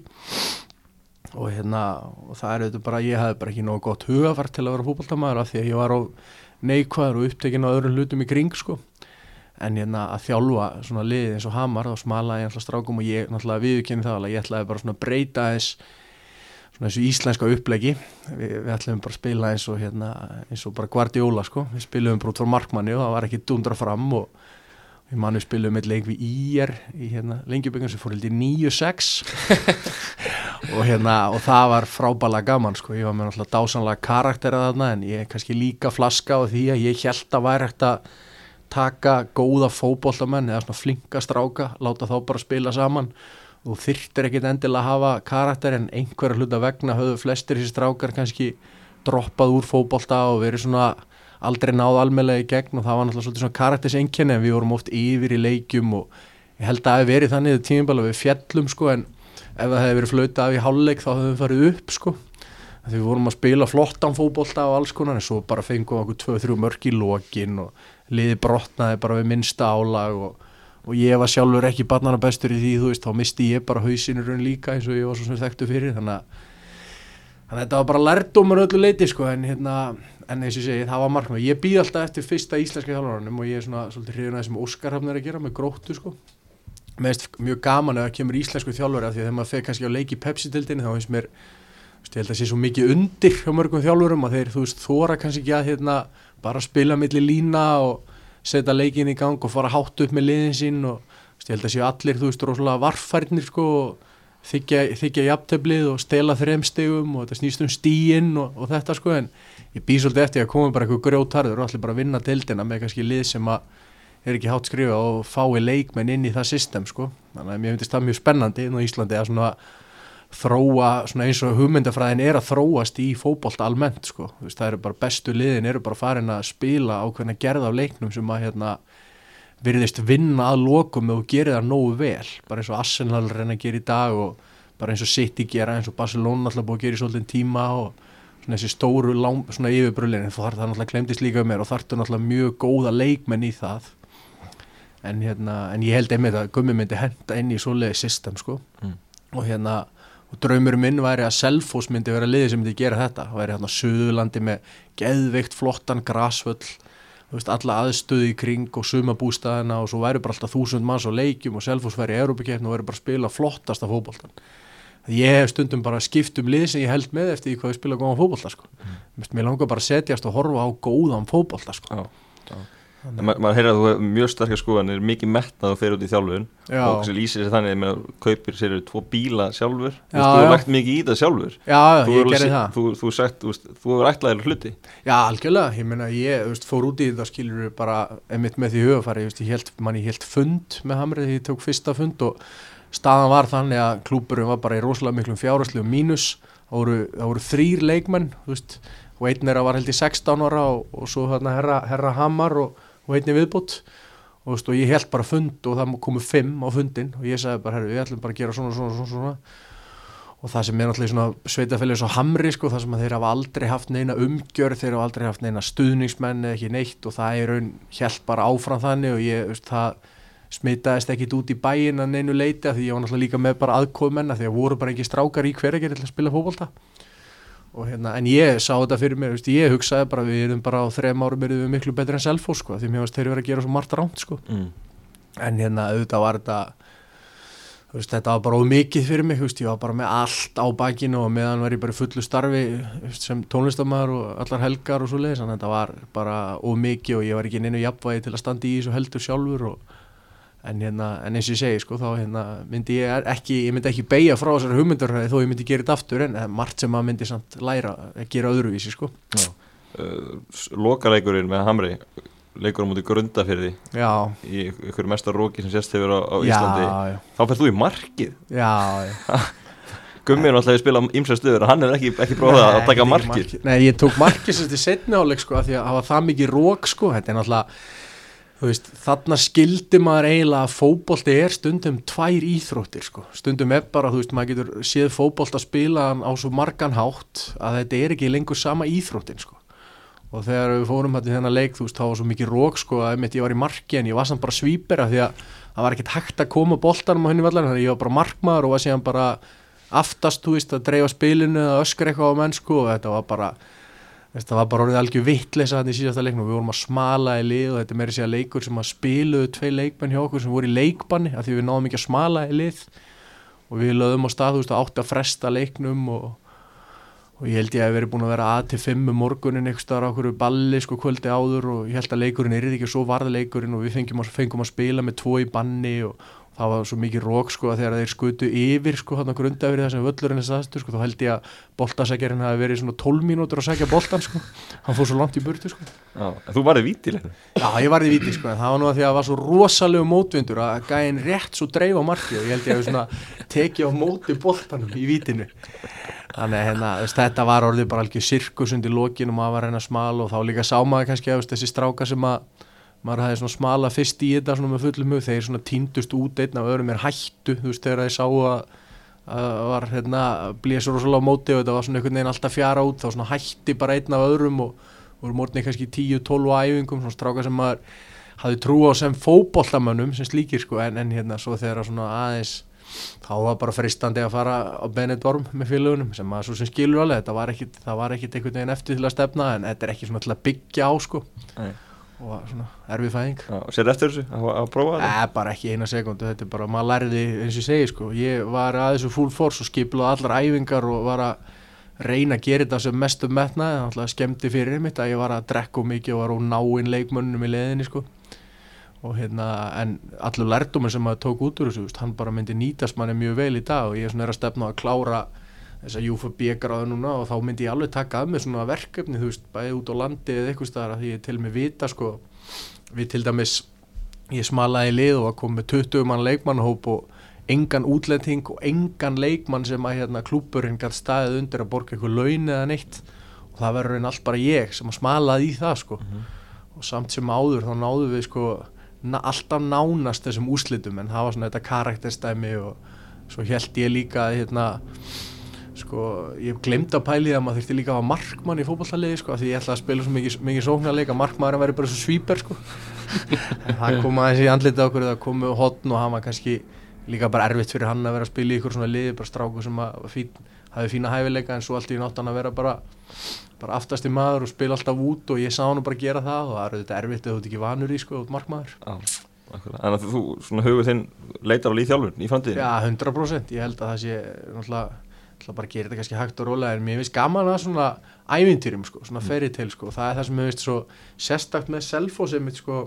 sem að þyrfti held ég að breytast til og selfos alltaf ná okkur um árangur er að hugafari þeim sem eru að stýra og vonandi er það bara að gerast. Ég náttúrulega þekki það ekki nógu vel en maður hefur nú séð að þetta hefur ekki verið að fara í réttar áttir en hérna vondi breytist það en ég held að þurfu bara að hugsa einn starra sko af því að hérna séu bara svona klúpa eins og til dæmis FH veist sem að hafa svona kallað eins og Jónrúnar sem einhvern veginn það er ekkit annað í bóði en bara að gangi vel Mhm. og hlutin í gangi og það er bara sett svolítið pressa á það og Selfoss hefur bara öll tækifæri til þess að verða einn af ég myndi segja topp 5 klúbum á Íslandi það er alltaf ekki til í að byggja peningar og víða en, en þú veist þeir hafa þennan stóra kjarna úlingastarfi litlu bæjunum í kring og frábæra aðstöð þannig að ég svona ég hugsa að það sé eitthvað og mér finnst það mesta syndin á Selfossi þeir sé ekki að hugsa stærra því að ég sé bara fyrir mér Európa-leik á Selfossi, það er ekki að sé að gummi kemur heim. Nákvæmlega. Þú spilaði sem í KFS 2015 já, já, og 2016 spilaði með ægi spilaði fyrstu fjóra leikina og svo fara skórnir upp í hillu eða hvað? Já, já, ég hérna, ægir náttúrulega lendir í þessu fáránlega atrið þar sem við spilum fyrstu leikina og menn eru búin að æfa allan vetturinn og hérna, svo kemur það upp á dag, daginn, hérna, fyrir eitt leikin þá hafa tveir serbar í liðinu tilkynnt þjálfaranum og stjórninni það að eitt leikmaður í liðinu hafi verið að bjóða þeim peninga fyrir að hérna, breyta úslitum í leiknum og hérna, bara svindla. Og mér fannst þetta nú ekki sigla eitt rosalega hátt, þetta mál. Það var svona aðeins talað um þetta en auðvitað maður er alltaf bara trúir á eins og samfélagur bara að þú ert saklaus sem getur sekt er sönnuð og þetta mál er alltaf erfitt út frá því að því að hérna, þetta var bara orð á móti orði en, en hérna það er alltaf hrikalegt ef að þetta hefur verið satt sem ég finnst einhvern veginn allt benda til að, að leikmaður í liðinu hafi verið að hérna, breyta úslitum og gefa vítaspinnur og alls konar hluti þegar að kannski 20 leikmenn eru búin að vera allan veturinn að æfa og æfa þannig að það er ekki hægt að standa í þessu sko. mm. bara algjör þvæla sko. ég held þetta og svona, svona veðmálasvindli sko. Mhm. og hérna ég veit ekki, mér varst sko ég veit ekki hvernig þeir bröðust við þessu en hérna, mér ég er nú vilja klá, þetta mál myndi kannski svona klárast kakvart þeir leikmennu sem voru þarna og þeir sem voru í kringum þetta hérna, annarkvort er þetta ofinberað almenlega, annarkvort líka vond fyrir þennan einstakling ef hann hefur ekki verið segur um þetta að vera með þetta á bakinu, það er alltaf líka vond þannig að hefði eiginlega þurft bara að klára þetta alltaf leið, bara hvort varstu aðeins eða ekki og, og reyna að finna á sa- sannanir fyrir þessu, en þetta er alltaf ömulegt og mér síndist á öllu að þetta væri bara satt og þeir fullirtu þetta, þannig að tveir ellendi leikmenn í liðinu og einn hefði verið að standa í þessu allt tímabilið. Og úslitir náttúrulega eftir því sko alltaf, og það er auðvitað að vinna ef einn er að reyna að gefa vítaspytnur eða hvað sem er sko. Þannig að þetta var náttúrulega bara algjör sirkus og hérna eiginlega fáralegt að hérna það hafi ekki farið herra vegna þess að þessi leikmaður hafi síðan verið í öðrum liðum líka og er svona grunaður um þetta og, og, og eins og ég segi sko þá, hérna, þá hef ég enga sannanir fyrir þess aðrar en þessar en maður vill náttúrulega að þetta sé þá bara alveg leitt til lykta sko. Til þess að hann siti ekki undir þessu og til þess að það sé bara klára það og ef þetta er satt þá bara sé einhvern veginn verði einhver, afleðingar af því fyrir svona menn sko. Þetta er náttúrulega alveg fáránlegt sko. Já, fannst, fannst þetta líkt að þetta geti verið satt? Já, ég meina, það er, það er raun bara þannig að annarkvort er hann að hérna, segja satt og einhverju tveir leikmenn að ljúa upp á hann eða þá að, hérna, að, að hann var bara að rigga leikjunum og hérna, svindla. Og hérna, annarkvort er satt og bæði er mjög slæmt ef að tveir leikmenn taka sér til og fara að ljúa upp á eitt leikmann að sé að rigga leikjunum. Og svo er líka mjög náttúrulega bara fáránlegt ef að einhver leikmaður er búin að vera í þessu og er síðan að krunga aðra með sér í lið að reyka leikinum og maður veit ekki hversu algengt þetta er. Auðvitað getur vel verið þetta sé vandamál á fleiri stöðum eða einhvern veginn hafi menn en þá er náttúrulega þeim mun mikilvægur að það séu gerð fordami úr svona mm. það sem að menn bara séu teknir og veist, fái bara, ég veit ekki hvað það er ævilangt bann eða kefnisbann og séu tilkynntir og flaggaðir inn í kerfinu þannig að hann sé ekki mættur bara á Ólasvík á næsta ári að spila og gefa næstu vítaspinnu sko. þannig að veist, ég held að þurfa að tala svolítið meira um þetta þá bara opinskátt og hann fái þá bara svara fyrir sig ef hann þorir því en ef hann þorir því þá finnst mér augljóst að hann hafi eitthvað að fela Mm. Gerði ægir ekkert í, í þessu? Nei, hann hérna hætti nú hjá liðinu þessi leikmaður sem var sagaður um þetta og hérna, ég veit ekki nákvæmlega hvernig það, ég svona var ekki mikið involverar í þetta, maður var að æfa þarna þegar voru tveir félagama sem voru að þjálfa. Og ég veit ekki nákvæmlega hvernig það var tæklað hjá þeim en mér finnst kannski verst að þetta hafi ekki verið gert meira ofinbert og þá hafi þessu verið fyllt svolítið eftir bæðið þá hjá KSI og, og, hérna, og hjá klúbnum svona til þess að komið vekk fyrir þetta myndi gerast aftur og leikmenn væri aðeins og þá sérstaklega þessi sami leikmaður ef þetta var satt. En þetta er bara ömulegt í alla staði ef að menn eru búin að æfa eins og bjánar hérna, keirandi á milli og æfandi og alltaf spila ykkur að leiki og svo er bara einn í liðinu sem að ræða hvernig leikurinn fer. Þetta er náttúrulega bara surrealist hvað menn eru búin að eða miklum tími í þetta sko og svo hérna er eitt gæm bara, veist, já að stilla svo upp Mm. Var þetta svona þetta sem konið sem fylgdi mælinn hjá þér? Já, persónulega? 100% fannst maður þetta náttúrulega bara algjörlega fáránlegt sko, og hvernig staðan var þá eftir 6-7 leiki, þú veist, þá var liðið miklu færri stig og einhvern veginn og en auðvitað var maður kannski ekkit á fullum kraft í þessu og svona meira að gera þetta, það var Einar Otto hann, leikmaður Selvos var þjálfari, góðu vinnu minn og, og Guðmundur Garrar aðstofað þjálfur og mjög fínir strákar en svo bara var ég mitt eins og ég segi sko, að gera mikið annað og mikið að spila þetta kannski passaði ekki alveg inn í að vera að keira nána stælega og svo þegar maður lendir svona þeim stað kannski að þú ert ekki að fá greitt fyrir þetta og þetta er ekki ekki allir viniðinni lengur og þetta er ekki klúburðin þá kannski svona sér maður á lítinn tilgang hvað það er eitt sem maður ræður hvernig leikunni fara sko. Ef horfðu tilbaka, finnst þér að sjá líkt að þessi tiltegni leikmann hafi verið í þessu? Finnst þér að líkta þenni? Já sko þegar að hérna, þetta kom upp að, að hérna, þeir fóru að saga um þetta þá, þá finnst mér persónulega þá, þá trúi ég í 100% sko. Þá lága deili augum upp í ákveðnu leikjum þá stundum að þetta var góðu leikmaður þá skildi maður ekki dýði að hérna, hvað, er hann að, hvað er að gera sko? Koma svona augnablík í leikjum. Og held kannski að vera bara klöfskur eða eitthvað en, en svo þegar þessar ásakanir komið fram á hendur leikmanna þá þá laði maður eiginlega bara saman 2 og 2 og mann finnst, fannst þetta augljóst. En að samanskapi finnst mér mjög vond ef að það er verið að saga um eitthvað sem er ekki rétt. Og þess þá heldur sé langt um mikilvægur að sé gengi frá þessu fyrir alla aðeila það sé bara leitt til lykta, var hann aðeins eða ekki og bara yfirheyslur eða sé eitthvað kerfi á þessu hjá, að þetta er svo rosalega algengt vandamál, sér maður bara víða í Európu og í heiminum og það held ég að Ísland sé ekkit, ekkit heilaga staður þessu og það þarf að hafa eitthvað kerfi á þessu. Þetta er alltaf bara stór hættulegt þegar þú ert með 20 leikmenn að hafa fótbolta og reyna að fara í gymmið og, og taka hérna burpee sko og svo bara leikur 1, 2 og 3 og það bara skiptir einhver máli af því að það er einn í vörninni sem bara getur, getur ákveðunni leikurinn fer. Þetta er alltaf bara algjörlega fáránlegt sko. Hefur heilt uh, sögur uh, á Íslandi, fleiri í þess átt? Fleiri leikmenn? Já, Nei, menn alltaf töluðu mikið þarna á þessum tíma þegar þetta var að koma upp í ægi sko, en kannu var þessi með honum í þessu og þessi og sem gerir alltaf allan anda og allt svo leiðis bara hörmulegan hjá liðum. Þannig að þú veist, það þarf að gera fordæmi úr mönnum eða þeir eru aðeins og þeir þurfa bara ég segi þungar refsingar fyrir svona sko. menn átt ekki með hart á þessu í, í Norrlöndunum í þessum löndur þú ert að vera að spila var að dæma leið með næriðöldum í, bænum og svona. Tekur þú eftir þessu umræða þar? Já, mikil umræða sérstaklega eins og til dæmis IFK Norrköping, við erum með annan klúbana í Norrköping sem er að spila í annara deildinni og þar er maður mikið að heyra um þetta. Það séu ákveðin lið sem eru að að veðja hot til dæmis en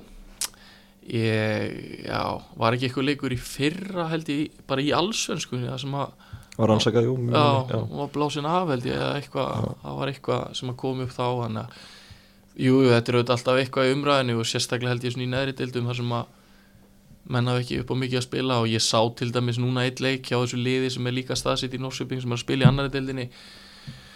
þar sem að hérna uh, já, andstæðingunum fekk á sig hvað 30 hotspinur í leiknum uh, og oft á tíðum einhver, einhver, einhver fyrirgefur að koma sem að markmaðurinn bara sló aftur fyrir og maður skildi ekki alveg hvað var í gangi.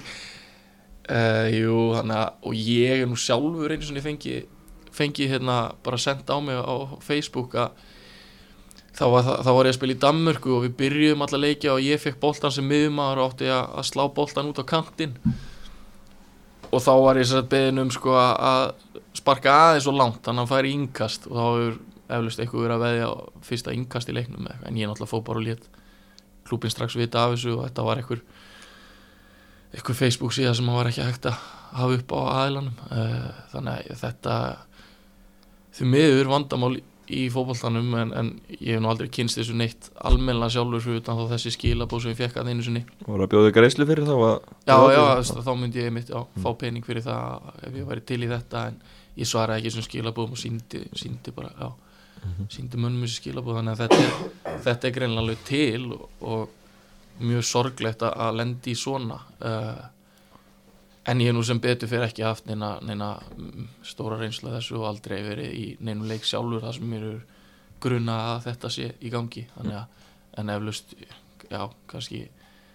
ég veit ekki hvað sé hrókafullt að segja þessi freka kannski í neðri deildum þar sem að svona minna undir einhvern veginn Já, sko. auðvöldar að, að, líka auðvöldar kannski svinga menn inn í mann þegar ég var að þjála hamar, þá fekk ég fleiri en einu svona fleiri en tvisar skilabóð frá einhverjum útlendingum og erlendu síðum hvort ég væri á, hefði áhuga á rigged games sko. Já. Ég sem þjálfari hefði náttúrulega veist, þá liggur það beint við að tala bara beint við einhvern þjálfara sem að þú veist liggur við ræður heilum klubbi sko. veist, og þetta var bara ofta að koma upp að menn, menn voru að spurja mig einhverjir alls konar einhverjir búlgarir, eða ekki hvað þeir voru sko. bara hvort ég áhuga á þessu sko. Já, Þannig að þetta er náttúrulega örgulega mjög algengt vandamál og mikill frestnivandi kannski fyrir marga ef þetta eru miklar upphæri í spilinu og svona en það þarf að stoppa þetta í fæðingu sko. það er bara nöðsynlegt, það sé rosalega viðlu við því að vera svindla svona því að það er kannski 20 menn að æfa sem að hafa allt undir í þessu og búin að leggja mikið á sig þetta er náttúrulega bara ömulegt að öllu leiti sko. algjörlega, algjörlega samanlega því uh, Vindum að skvæða okkur í grós og förum yfir í, Já. Við erum báðir, báðir mikið í, henni. Gumi, þú fórst í Eurovision í, í, á þessu ári. Já, tala um eitthvað annað. Hvernig hérna var, var bara samfæra Norrköpingum það líka að fá að mæta bara til Íslands? Að þau voru að keppa í Eurovision. Heldur ekki að voru að grínast fyrst eða? Jú, eiginlega, þeir náttúrulega vissu ekki að springa og spila og gítar og væri að semja ykkur á tónlist. En, en þetta var nú meira þannig að vinnu minn góðu vinnu minn sendi inn tvö lög uh, sem að ég hafi samið. Já, hann hafi samið annað án þess í raunin að spurja mig svo fæ ég bara símtal hérna í oktober held ég við fengum að vita að bæði lögin eru komin inn og hann, hann ringir í mig, hörru, við erum komin með tvö lögin í Eurovision. Og ég kom bara á fjöllum sko, vissi ekki neitt. Og hann bara sendi inn þessi lög og síðan fóð náttúrulega veturinn í að undibúa þetta eins og bara gaman. Líka ég hef alltaf hort á tónlistina þannig að, fótballin er náttúrulega svona það sem ég elska að gera og svo tónlistin svona eitthvað til að kúpla frá því í rauninni og ríkala skemmtilegt að vera að vinna í því. Uh, þannig að ég var nú alveg opinn fyrir þessari hugmynd, bara góð skemmtileg lífsreynsla. Uh, ég ætlaði reyndar ekki að syngja lægi, við vorum að reyna að finna annan söngvar til þess, en það gekk síðan ekki. Uh, og ég hérna já, spyr svo þjálfaran hvort að þetta gæti gengið og, og þá var þetta nú einmitt þannig að, að það var í rauninni ekkert mál að við vorum að fara í eitthvað helgafrí þar sem að þessi þar sem að þessi þar, þar, þar sem að ég átt að syngja en svo var maður svona eiginlega því miður var maður alveg í þessu júrósjönda með á hálfum huga því að maður hugsaði nú með sér um að fyrir áfram að þá þarf ég nú að þarf að missa leikjum og byrjum frí og ég var nú ekki, alls ekki tilbúin til þess. En samt ótrúlega skemmtileg reynsla að bæði vera að vinna lögin vera í sjónvarpinu einhvern veginn að- að ræða tónlist og, og það var svona allt annar heimur einhvern veginn sem ég hef náttúrulega mikinn áhuga á en aldrei farið alveg í. Þannig að það var eh, já, í beinni útsendingu í sjónvarpinu þetta var svona eiginlega fyrsta skipt á ævinni þar sem að ég vorið stressaður. Ég hef einhvern veginn aldrei verið stressaður fyrir neinu sem er að taka mig fyrir hendur. Og sama hversu mikilvæg leikurinn er þá er einhvern veginn alltaf meira að vera bara svona einhver gleði og spenna sem hefur fyllt í bara að leifa hérna gum, litla gumma einhvern veginn að fara út á völl að leika sér í þannig ég hef aldrei upplifað neitt- svona stress í kringu fótboltan og ekki tónlistin heldur það sem ég spila nema þarna einhvern veginn í beinni útsendingu með einhvern gæja í eirunum að telja niður 5, 4, einhvern veginn. Þá var svona fyrsta skipti þar sem ég hef upplifað svona smá stress. Uh, og það var já, öðruvísi og, og gaman að taka þátt í þessu og kynntist náttúrulega fullt af frábæri fólki hérna í kringum þetta sem er að vinna við, vinna við keppnina og, og halda, halda þessa keppni hérna heima. Þannig að þetta var mjög gaman og svo náttúrulega eins og segi, maður var nú kannski ekki alveg í þessu fullum hug og ég fyrst að fljúa heim þarna bara tvo daga fyrir keppnin og æfa allt atrið og var með, með stelpu og dansa með mér sem var ótrúlega flink og ég þurfti einhvern veginn að muna öll spórin eða já, þessi spór sem ég þurfti að taka og, og horfi í rétta myndavel og þetta var svolítið svona allt svolítið fyrir fram ákveðis og þetta komið vel út í sjónvarpinu. Þannig að maður fekk, maður fekk kannski ekki alveg að njóta sín sem listamaður þannig því að maður vil náttúrulega meira vera þá að, að skemmta fólkin út í sal en þá snýrist þetta náttúrulega meira um, um sjónvarsútsendinguna en greiðlega skemmtileg reynsla og, og ótrúlega gaman að vera, vera að vinna í tónlist svona við, við hliðin á hóflan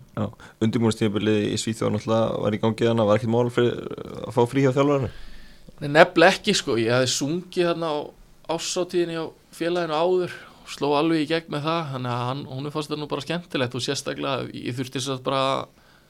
fá að syngja þess að þetta voru tvær eða þrjár undankefni, ég man ekki alveg hvernig það var. Mhm. þannig að ég þurfti bara að hitta á réttu helgina og þeir rettu því hjá, hjá, hérna, hjá Rúf að ég geti fengið að syngja þá. Og þegar það gekk upp að þá svona, já, ákvæði bara slá til og svo var það bara hrikalega gaman, þetta var mikið, mikið æfintýri Ingo, þú líka farið í undakefni í Eurovision. Sjáu ykkur kannski bara saman til 20 ár? Olsen bræður Já, það var sér frekar eftir 20 ára mitt, sko. Ég er hann frekar fjallaður og núna sko, þetta er náttúrulega bara svona atkvæða smölunar keppni orðið sko og svona, mér finnst margt sérstætt í þessu. Mm. En gaman að svo gumma taka þátt í þessu? Já, já, algjörlega, ég meina ég held bara gummið, þú veist, hann náttúrulega er að semja lög og gerir bara, mér finnst bara hann eiga mörg mjög flott lög sem hann hefur spilað fyrir mig og svona, hann bara, ég held að sé svona eins hjá honum með það, þú veist, að þegar hann hefur komið kannski og hann talaði við hérna Belgjuna, allar að spili, þá hugsa þeir kannski bara, hvað, þetta er bara fótboltamaður eitthvað að leika sér að koma með lög sem er bara, ég held ég alveg eins og ég lendi í sem tónlistamæður hefði ég ætla að reyna að spila fótbolta sko. Mm. það er svona, veist alveg svo ég lendi, ég fann það sérstaklega á Víking af því á Selfoss er ég bara Ingo sem er alltaf fótbolta eitthvað, en svo fór ég í Víking þá var ég bara eitthvað popstjarnar líka við sko Ingo Veðugun, veist, og það var bara ég fekk eiginlega aldrei neina sénsa sko því ég held að það veri kannski svolítið svona viðþór þú veist, alveg svo ég, og ég skilða svo sem alveg, ég meina ég, ef ég var að fara inn á völlin kannski að spila og svo var kannski Páll Óskar bara hæri bakur í hinu leiðinu sko það er maður bara, hvað er það með Pál Óskar hann er hæri bakur það er alveg svo heilin, hvað er bara Ingo hann í veðugun og hann er bara hann á miðunni sko? Og, hérna, og ég finn það svona í fótbollan ég held að það sé svona svipað hjá gumma síðan í tónlist sko, það bara hann kemur kannski með eitthvað lagin og út á stöðu eða ætlar að plugga ykkur sko, þá bara, hvað, ertu ekki fótboltamaður og sjá mér, hvað, ertu ekki poppar ertu ekki að spila Já, var, var mikil bandir í gangi þegar þú varst að spila fótboll anstæðinginu, voru þeir eitthvað svona að stríða þér? já, ég man, spilum með grinda eitthvað sagði hann að Gils Ondo var alltaf að segja mig sing a song, sing a song. Og fleira í þennan dúr? Já, já, það var oft maður og svona oft svona eitthvað pyrringur og alls konar sko, svona, hvað, þessi poppar eru að vilja upp á dekk sko, Já, ég, er bara gaman. Já, þú veist, í hinni hliðin á fótballtabúðinu þá er spurning hérna hvernig er best að pyrra anstæðingin og þá svarar þú taka viðla í Bahama í eiraðunum og meðan markmann að taka markspinni Varst eitthvað að vinna með þetta? Nei, ég gerði þetta nú ekki alveg sko en hérna það var alls konar, þetta var oft svona motivation þú veist og mann hefur spilið og mann hefur káver og frægan leiksöðu náðum að vinna þarna 2010 sko. Þá var ekkit lítið gerð grínaði hjá þeim okkur spjallborum og alls konar fyrir leikin þú veist að við verðum bara að mæta Ingo Veðuguð bara í fyrsta leikin og svo skoraði ég í leiknum sko veist, laglega tilfinningin sko að slökku í rókalum hann á Já. tímambili sko að Já, fannst þér þú kannski ekki fá þegar kreitið sem átti skilið sem fótballtamæður út af því að þú varst tónlistamæður Jú, ég heldum bara svona, maður er aðeins búin að læra þegar maður er eldri, þú veist að svona það sem maður, þetta er allt manni sjálfum að kenna sko, sem maður er að hérna sísla í sko, ég var bara alltaf neikvæður hópallamæður, það er nú eiginlega Mm. bara það sko og hérna fannst bara þessi vonlaus og þessi var ekki nógu góður og þessi þjálfari vissi ekkit hver þetta var inna og þessi vissi ekkit og, og þannig var það bara og hérna ég fekk svo sem alveg tækifæri til þess að sínum minni með kannski hérna helst hérna hjá Viking sem ég var náttúrulega orðin bara svona rosa popstjarnar sko 2011 eða eitthvað og allt að gerast í því sko og þá svona skilum að það svo sem alveg þá var ég líka bara með hugan við annað satt að segja, ég var aldrei kannski og hef aldrei á mínu ferli verið kannski ekki einu við vorum í Selfoss þegar að gekka vill og hef nú aldrei verið með fullan hug við fótbolta sko. Nema svona þetta hefur alltaf verið rosa gaman og haft mikla skoðanir og þess vegna held ég bara þjálfun eða einhvers konar stjórn eða svoleiðis hendi mig miklu betur. Já, hvernig er gengið að púsla þessu saman? Ég menn nú að spila í pepstildinni sunnudaga, mánudaga já, þú að spila, þú veist um helgar og, og já, já, Er þetta ekki mikið púslaspil? Jú, jú, bara, veist, það hefur eiginlega verið bara hálf vonlust, sko, Já. satt að segja, sko, sérstaklega svona í setni tíð, sko, það var alltaf lagi fyrst þegar maður var kannski, einmitt fyrstu annari delt og ekki eins mikið að gera í músikinni, en svo það sem gerðist þá alltaf bara leið og fótboltinn fór á flugarna sjálfur, þá var allt að gerast hjá mér á sama tíma, sko, að fara á flug, þannig að maður svona bara, svo lendi maður einhvern veginn bara á vegg, þú veist, þegar maður var að spila kannski sjö gig í viku og og svo áttum maður að vera fimm æfingum og eitt leik þú veist á svona topp levelin á Íslandi og, og ég kannski mann þú veist að ég var aldrei heldur í topp standi. Ég held ég hef aldrei spilað fótbolt í topp standi satt að segja. Mhm. Þannig að maður á- mikið aðengum úr Já og svo bara þú mætir á æfingust æfingar og lögata smótni klukkan tíu og þú ert kannski búin að vera vakandi til fimm og færið síðan pulsu og, og prins Pólo og, og hérna eina engja þykni og, og halvana kók og bara sest heima og ert alveg búin á því og sefur í tvo og halvan tíma og pakkar svo bara takkaskónum og ert svona hálf ringlar þú ætti að mæta á æfingu sko þá ætla að segja þessu held ég sjálft að menn ná, aldrei miklum árangri sko. Nei, nákvæmlega, Þurftur að sleppa mikið af giggum út af fótbolta menn þú vantarlega fórnað bara bæði pening og vinnu bara til að geta að spila fótbolta. ég gerði það sko. Og það var einmitt á tímabili var það orðið bara sérstaklega maður í fyrstu deild með Selfoss og ekkert gaman á æfingum og, og hérna svona frekar leðileg stemming og ekki, já, einmitt, ekki skemmtilegar æfingar og þá var maður kannski stundum þú veist eitthvað gig bara eitthvað bæjarháttíð og bíldudal eða fáskursfyrir eða hvað það var sko maður bara komst ekki að því að maður var að fara að spila þú veist bara eitthvað leik þú veist við Völsung sem var bara þú veist í nýjundasæti og Selfoss í áttunda sko þannig að Já, þá var maður að lókum svona farin að pæla þessi í sko, fyrir hvað maður væri eiginlega í þessu sko. Já,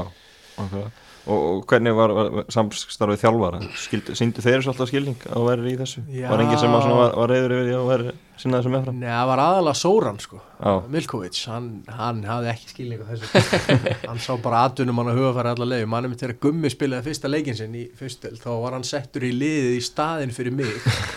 og það átti að vera svona in your face á mig sko, kemur einhver bara 16 ára gæi og ég held að ég var í kallinn sko. Þá fór hann og Sóran var búin að prenta út eitthvað plaggat, eitthvað auglýsingum með veðugunum sem var og hengd hann upp á veggin í klefa og spurði, Ingo, hvað er þetta? Hvað er þetta? Setta það ekki? Neini, svo fótbolta spila spila fótbolti. Þú veist, og hann var alveg tjúlaður, sko, það var eitthvað poppar að mynda mér upp á vegg, sko. Ég var bara hent, beint á bekkin og gummin í liði, sko og, og, hérna, og það var svona fyrir framan allan hópin manni hann gerði þetta, sko að ég skildi, nú fær ég á bekkin, sko sem átti að vera ykkur hetja og gummi litli bróður minn kem í staðin í sömu stöðu sama lið þetta og bara, hann var alltaf í ykkur svona sálfræði geðviki, sko. En hver, hvernig var núna það er fyrirtinn að baki Já, þú getur alveg kannski sagt einhverju sögur sem þú ekki sagt áður? Mættur eitthvað um í leik bara á sofin eða veist, eitthvað annars Já, þetta var oft bara alveg furðulegt sko, ég man eftir hérna hjá Sóran einu sinni sko, þá hérna spilaði ég gig sko bara rétt hjá höfn í hotnafyrir og við vorum um þetta var endar í andardil þegar hann var nýtekið við þeim að var alveg laglega hrættu við hann sko. Og hérna og þá fekk ég sko mömmu og systur mömmu sem voru ekki staðar hérna til að keira sko svo ég geti reynd að leggja mig á leiðin tilbaka en balli kláraðist fjögur og það var mæting og maður horið flug á Akureyri og það var mæting sko upp á hérna upp á Selfossvöll þar sem við fórum með rútu síðan og Reykjavík flugvöll bara klukkan 8 um morgun þannig að við kerðum á sko 130 fjóra tíma þannig að frá eftir ballið sko klukkan fjögur. Og lendum svo á, á, á Selfossvölli og svo var hann sér alla og ég sko er ekki búin að sofa dúr, bara ekki dúr. Og ég hérna þannig að ég ákveð þú veist bara til þetta sjáist ekki og setja bara með sólkleru og hettu og, og hérna og er bara þannig allan tíman við fljúum norra akkur og fyrir að borða hérna á bautanum fáum eitthvað súpu og svo er kert á Húsavík. Og ég sef ekki dúr og svo hérna kemur að leiknum sko og ég held ég skor og vinnu leikin og þetta var einhvern veginn algjör draumur sko, ég var ekki búin að svo dúr bara í þú veist 30 klukkutíma.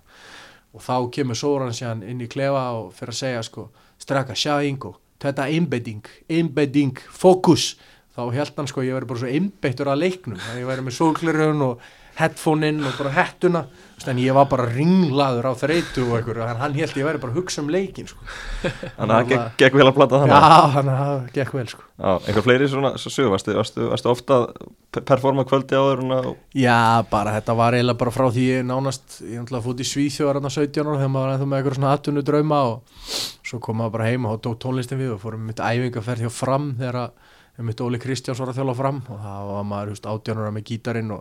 18 ára með gítarinn og kiftum einhvern gítar í einhverju sjópp og ég fyrir að spila út á götu og kem sér á æfingu setnipartin með fram hérna einhverju portugalsku svæði og þá segir Óli, herru, Ingo, þú þarft ekki að mæta morgun. Það er búið að bóka hérna pöppin og þá bara, þú veist, var þetta orðið þannig þú veist, bara strax þarna, sko, ég var bara eiginlega í fríi frá var bara svona með í hópnum, sko einn af þess að var góður í klefanum, sko. Þó er mistarallokki fram, sko alveg átöðinu og alveg flott lið og flottur hópur en ég var bara að gigga á hótel ranga og hvar sem er og mætandi þú veist tveim tímum fyrir æfingu sko aftur hindi mín sko þannig að þetta var eiginlega búið bara að liða á þetta byrjaði sko. Já, og, og voru þetta ekki ofta erfiðar æfingar þá? Jú, og- heldur betur sko, alveg ríkalega sko. Já, og hérna, þú veist, já, ekki, bara eins og ég segi sko, þá svona kannski hefði maður, en, en ég er svo sem var aldrei neitt rosalega líkamlega góður af því ég kannski æði heldur ekki þannig en hérna, ég tel mér svona að hafa, hafa svolítið vita á svona hverju kunna fótbolta og hverju ekki, mér finnst það stundu að vera bara svona annarkur kantur svolítið leikinn eða ekki. Mhm, og ég er svona, sé fyrir mér að reyna að nýta með það ef ég fer út í þjálfun eða, eða stjórna og eitthvað svo leis En, en fótbollin, þú hefur haft það gaman að þú vildir alltaf halda áfram. Þú veist, þú hefði ekki hægt miklu fyrr og fara að fyrir á tónlistinni. Já, alveg klálega sko. En hérna það var svona undir, undir lokin var það svona kannski að, að maður bara vera aðeins með en svo þykir maður alltaf vænt um selfos sko. Og þegar maður var þar vildi maður vinna sko og reyna að gera eins mikið og maður mögulega gatt án þess að fórna svona eins miklu og maður þurfti en hérna en þess að sé það bara eins og selfos þú veist, ég fór nú reyndur æfingu með þeim um daginn sko. En hérna, maður sér það bara sem svona eitthvað til framtíða ég, sé, ég sé fyrir mér að einhvern tíma verður maður involverar í þetta og ég, ég held að Selfoss er eftir að spila Európa-leik sko. Mhm. það er svona planið sko. Á, á grasinu í geggiðu veðri þú veist, alveg svona alvöru sko. Já, ég held að það ætti að vera missjóni hjá þeim sem er að stýra í kringum klúbbin sko, því Selfoss er eitt svona mest spennandi klúbbur sem þú finnur held ég sko. nákvæmlega Gumi, þú náttúrulega, þetta er okkur döfutið þér Vinnum við að spila fótbolta en tónlistin í frítímanum Já, nokkulega og ég veit það ekki, kannski er það rétt sem Ingo segir að þegar maður er svona að reyna að gera ykkur lög að þá svona oft er aðeins einhvern veginn hort á maður og, og, og spurt hvað, hvað ert ekki fótballtamaður en, en ég er svona á þeirri skoðun að sama hvað maður að gera í lífinu hvað maður vinnur, að sé nú holdt að hafa eitthvað annað svona til liðar sem maður líka er að, er að rekta sjálfan sig í og, og hefur gaman að þannig að þetta er eiginlega bara svona algjört drauma eh, líf sem maður lifir í raunni að maður fara, fara að spila fótballta sem maður finnst bara skemmtilega sem maður gerir og svo tónlistin svona til hliðar sem er alveg ótrúlega gaman líka og ég reyna alltaf að, að, að vinna þessi í því þegar ég kem heim og er hérna með stráka sem ég þekki, ég bæði verið að vinna þess með Stop Way Go og, og góðum vinnum mínu sem heitir Fannar þannig að þá reynir maður alltaf að taka upp eitt og lög og, ef þau eru síðan nógu góð að, að manni finnst það þá, þá hérna, já. Setjum maður þau út á, á Spotify eða YouTube eða þessar veitur sem er að, sem er að sjá um tónlistina þannig að hérna algjört drauma líf einhvern veginn sem maður fær að lifa svoleiðis að það er hrikalega gaman og tónlistin alltaf, ég er alveg með þannilega drauma um tónlistina að einn daginn get ég bara verið með tónleika sem að fólk vil koma og hlusta á mín lög og ámörg lög sem ég finnst góð þannig að núna snýst þetta bara um að, að já, uh, byggja það upp og, og svo einn daginn þegar maður kannski þarf að neyðist til að hætta að spila fótbolta að þá getur maður allavega haft gaman á tónlistinni svona þar þegar, þegar fótboltin er búinn Hvað er þetta sem er mikið af lögum? Hvað áttu mikið á lægir? Já, örgulega 25 lög sem eru svona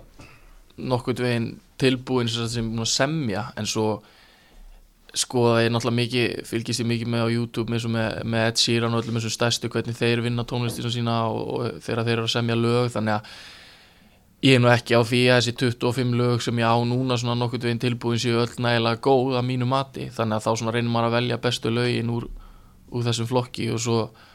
sest ég niður nánast daglega þetta er náttúrulega þannig að maður er maður er búinn á æfingu kannski um tvö og maður farið að bóla morgum að æft og, og tekið svo kannski rækt eftir æfingu og, og þá er maður bara búinn um tvö. Sérstaklega er mikið að leikjum í gangi þá eru svona léttar æfingar oft á tíðum þannig að hérna, þá reynir ég að setjast niður hvern einasta dag og, og fá einhverjar hugmyndir í kringum tónlistina og texta og annað. Og eh, já, mér finnst þetta bara hrikalega gaman, sérstaklega maður er náttúrulega búið það lengi núna í Skandinavi og ég er oft svona lendi í þegar að þegar ég er að tala íslensku og ég er svona farin að íslenska sænsku eða einhvern veginn ég svona er með eitthvað í sænsku eða norsku svona í haustum og ég er svona farin að íslenska það einhvern veginn ef, að, já, ef þetta meika sens að sér að segja. Þannig að þá finnst mér rosalega gott að vera að skrifa text á íslensku og svona einhvern veginn uh, já, og finna víst, koma, koma upp orði í einhvern veginn hausin sem maður kannski ekki nota lengi og þannig þetta er svona ræktanda þýleitinu til líka og bara Úst, ótrúlega gefandi að vera að gera tónlist og fólki sem maður hittir líka í kringum það svona ekki í fótbolta heiminum einhvern veginn sem maður er náttúrulega rosalega mikið inn í þegar maður er að vinna við að spila fótbolta og hittir oft, oft á tíðum bara sömu 20 strákarna og þjálfarana og svo stuðningsmenn sem að tala um fótbolta. Þannig að ótrúlega gaman fyrir mig að, að hérna, geta kúpla eins frá því og farið að spjalla við vinni mína sem er í tónlistinni og, og hafi ekkit sérstaklega á fótbolta þannig laga þannig að það er ræktandi og, og skemmtilegt sko. Þegar fótballtaföldinum líkur ætlar að fara í tónlistan á fullu sko, Það er draumurinn? Sko já, já, það er alveg það er alveg svona markmið að hafa allavega möguleikan á því að geta að eiga það góð lög að, hérna, að fólk vil virkilega hlusta og finnst gaman að syngja með eða, eða hvernig svona það er. Ég rauninni hef ekki hugsað það langt hvort að þessi draumurinn að fara bara alfari í tónlistina og, og þá væntanlega 35 ára hvernig svo sem það er. Veist, maður veit náttúrulega ekki hvað framtíðin byrja skauti sér sér. En jú, það er auðvitað alveg eitthvað markmið að gefa út fleiri lög. Og þá á íslensku og halda þessu svona heima því að ég veit hvernig veit bara sjálfur hvernig það er að búa úti og, og vera að hlusta á íslenska tónlist. Það er einhvern veginn maður tengir á annan hátt við íslensk lög heldur maður gerir við erlend lög allavega ég, bara heyra sitt tungumál og allt þetta. Þannig að ég mun klálega halda áfram að semja tónlist á íslensku og svo vonandi gefa fleiri lög út í framtíðinu og það er svona draumur að geta gefið út tíulega plötu það sem eru bara tíu góð lög. Nýlega vikslur hjá fótballtaliðum eru algengar og þá er oft uh, þurfa hann að syngja. Uh, veit að margir eru mjög, kvíða yfir þessu og finnst það mikið mál. Uh, Þú, þú er alltaf bara gaman að þessu, ekki? Jú, þetta verður oft bara hálf vandræðalegt af því að það búa svona allir við að þessi að fara að í hvað er í gangi, söngan eitthvað söngan eitthvað lag á dönsku með þess að sem ég kunni með Rasmus Sýbak fyrir þá sem þekkja til hans. Já, og það var einhvern veginn bara allir ákveð bara upp stóra aug og það var eiginlega ekkert fyndið fólk fór bara að klappa og þetta var bara svona hvað, veist, þannig að van, van, vanalega eru náttúrulega menn veist, springa menn og hlátri eða einhver gerir sig að fíblu upp á sviði en þetta verður einhvern veginn bara svona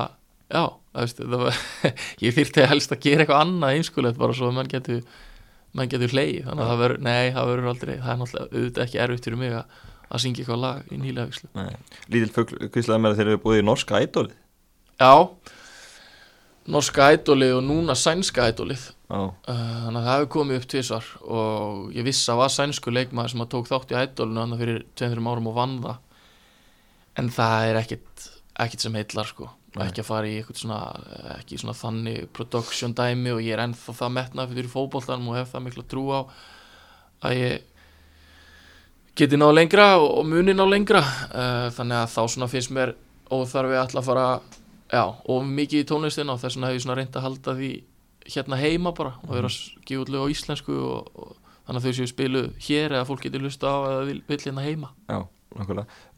Hittir skemmtilega ávast í leikbanni þegar þjóðati fór fram í ár. Mm, og hérna náður að sjá Ingo bróðin spila. Ég getur hún náður fyrsta skipti, jú, ná já, er, er draumurinn að spila með honum á það Já, það held ég, já, það, já.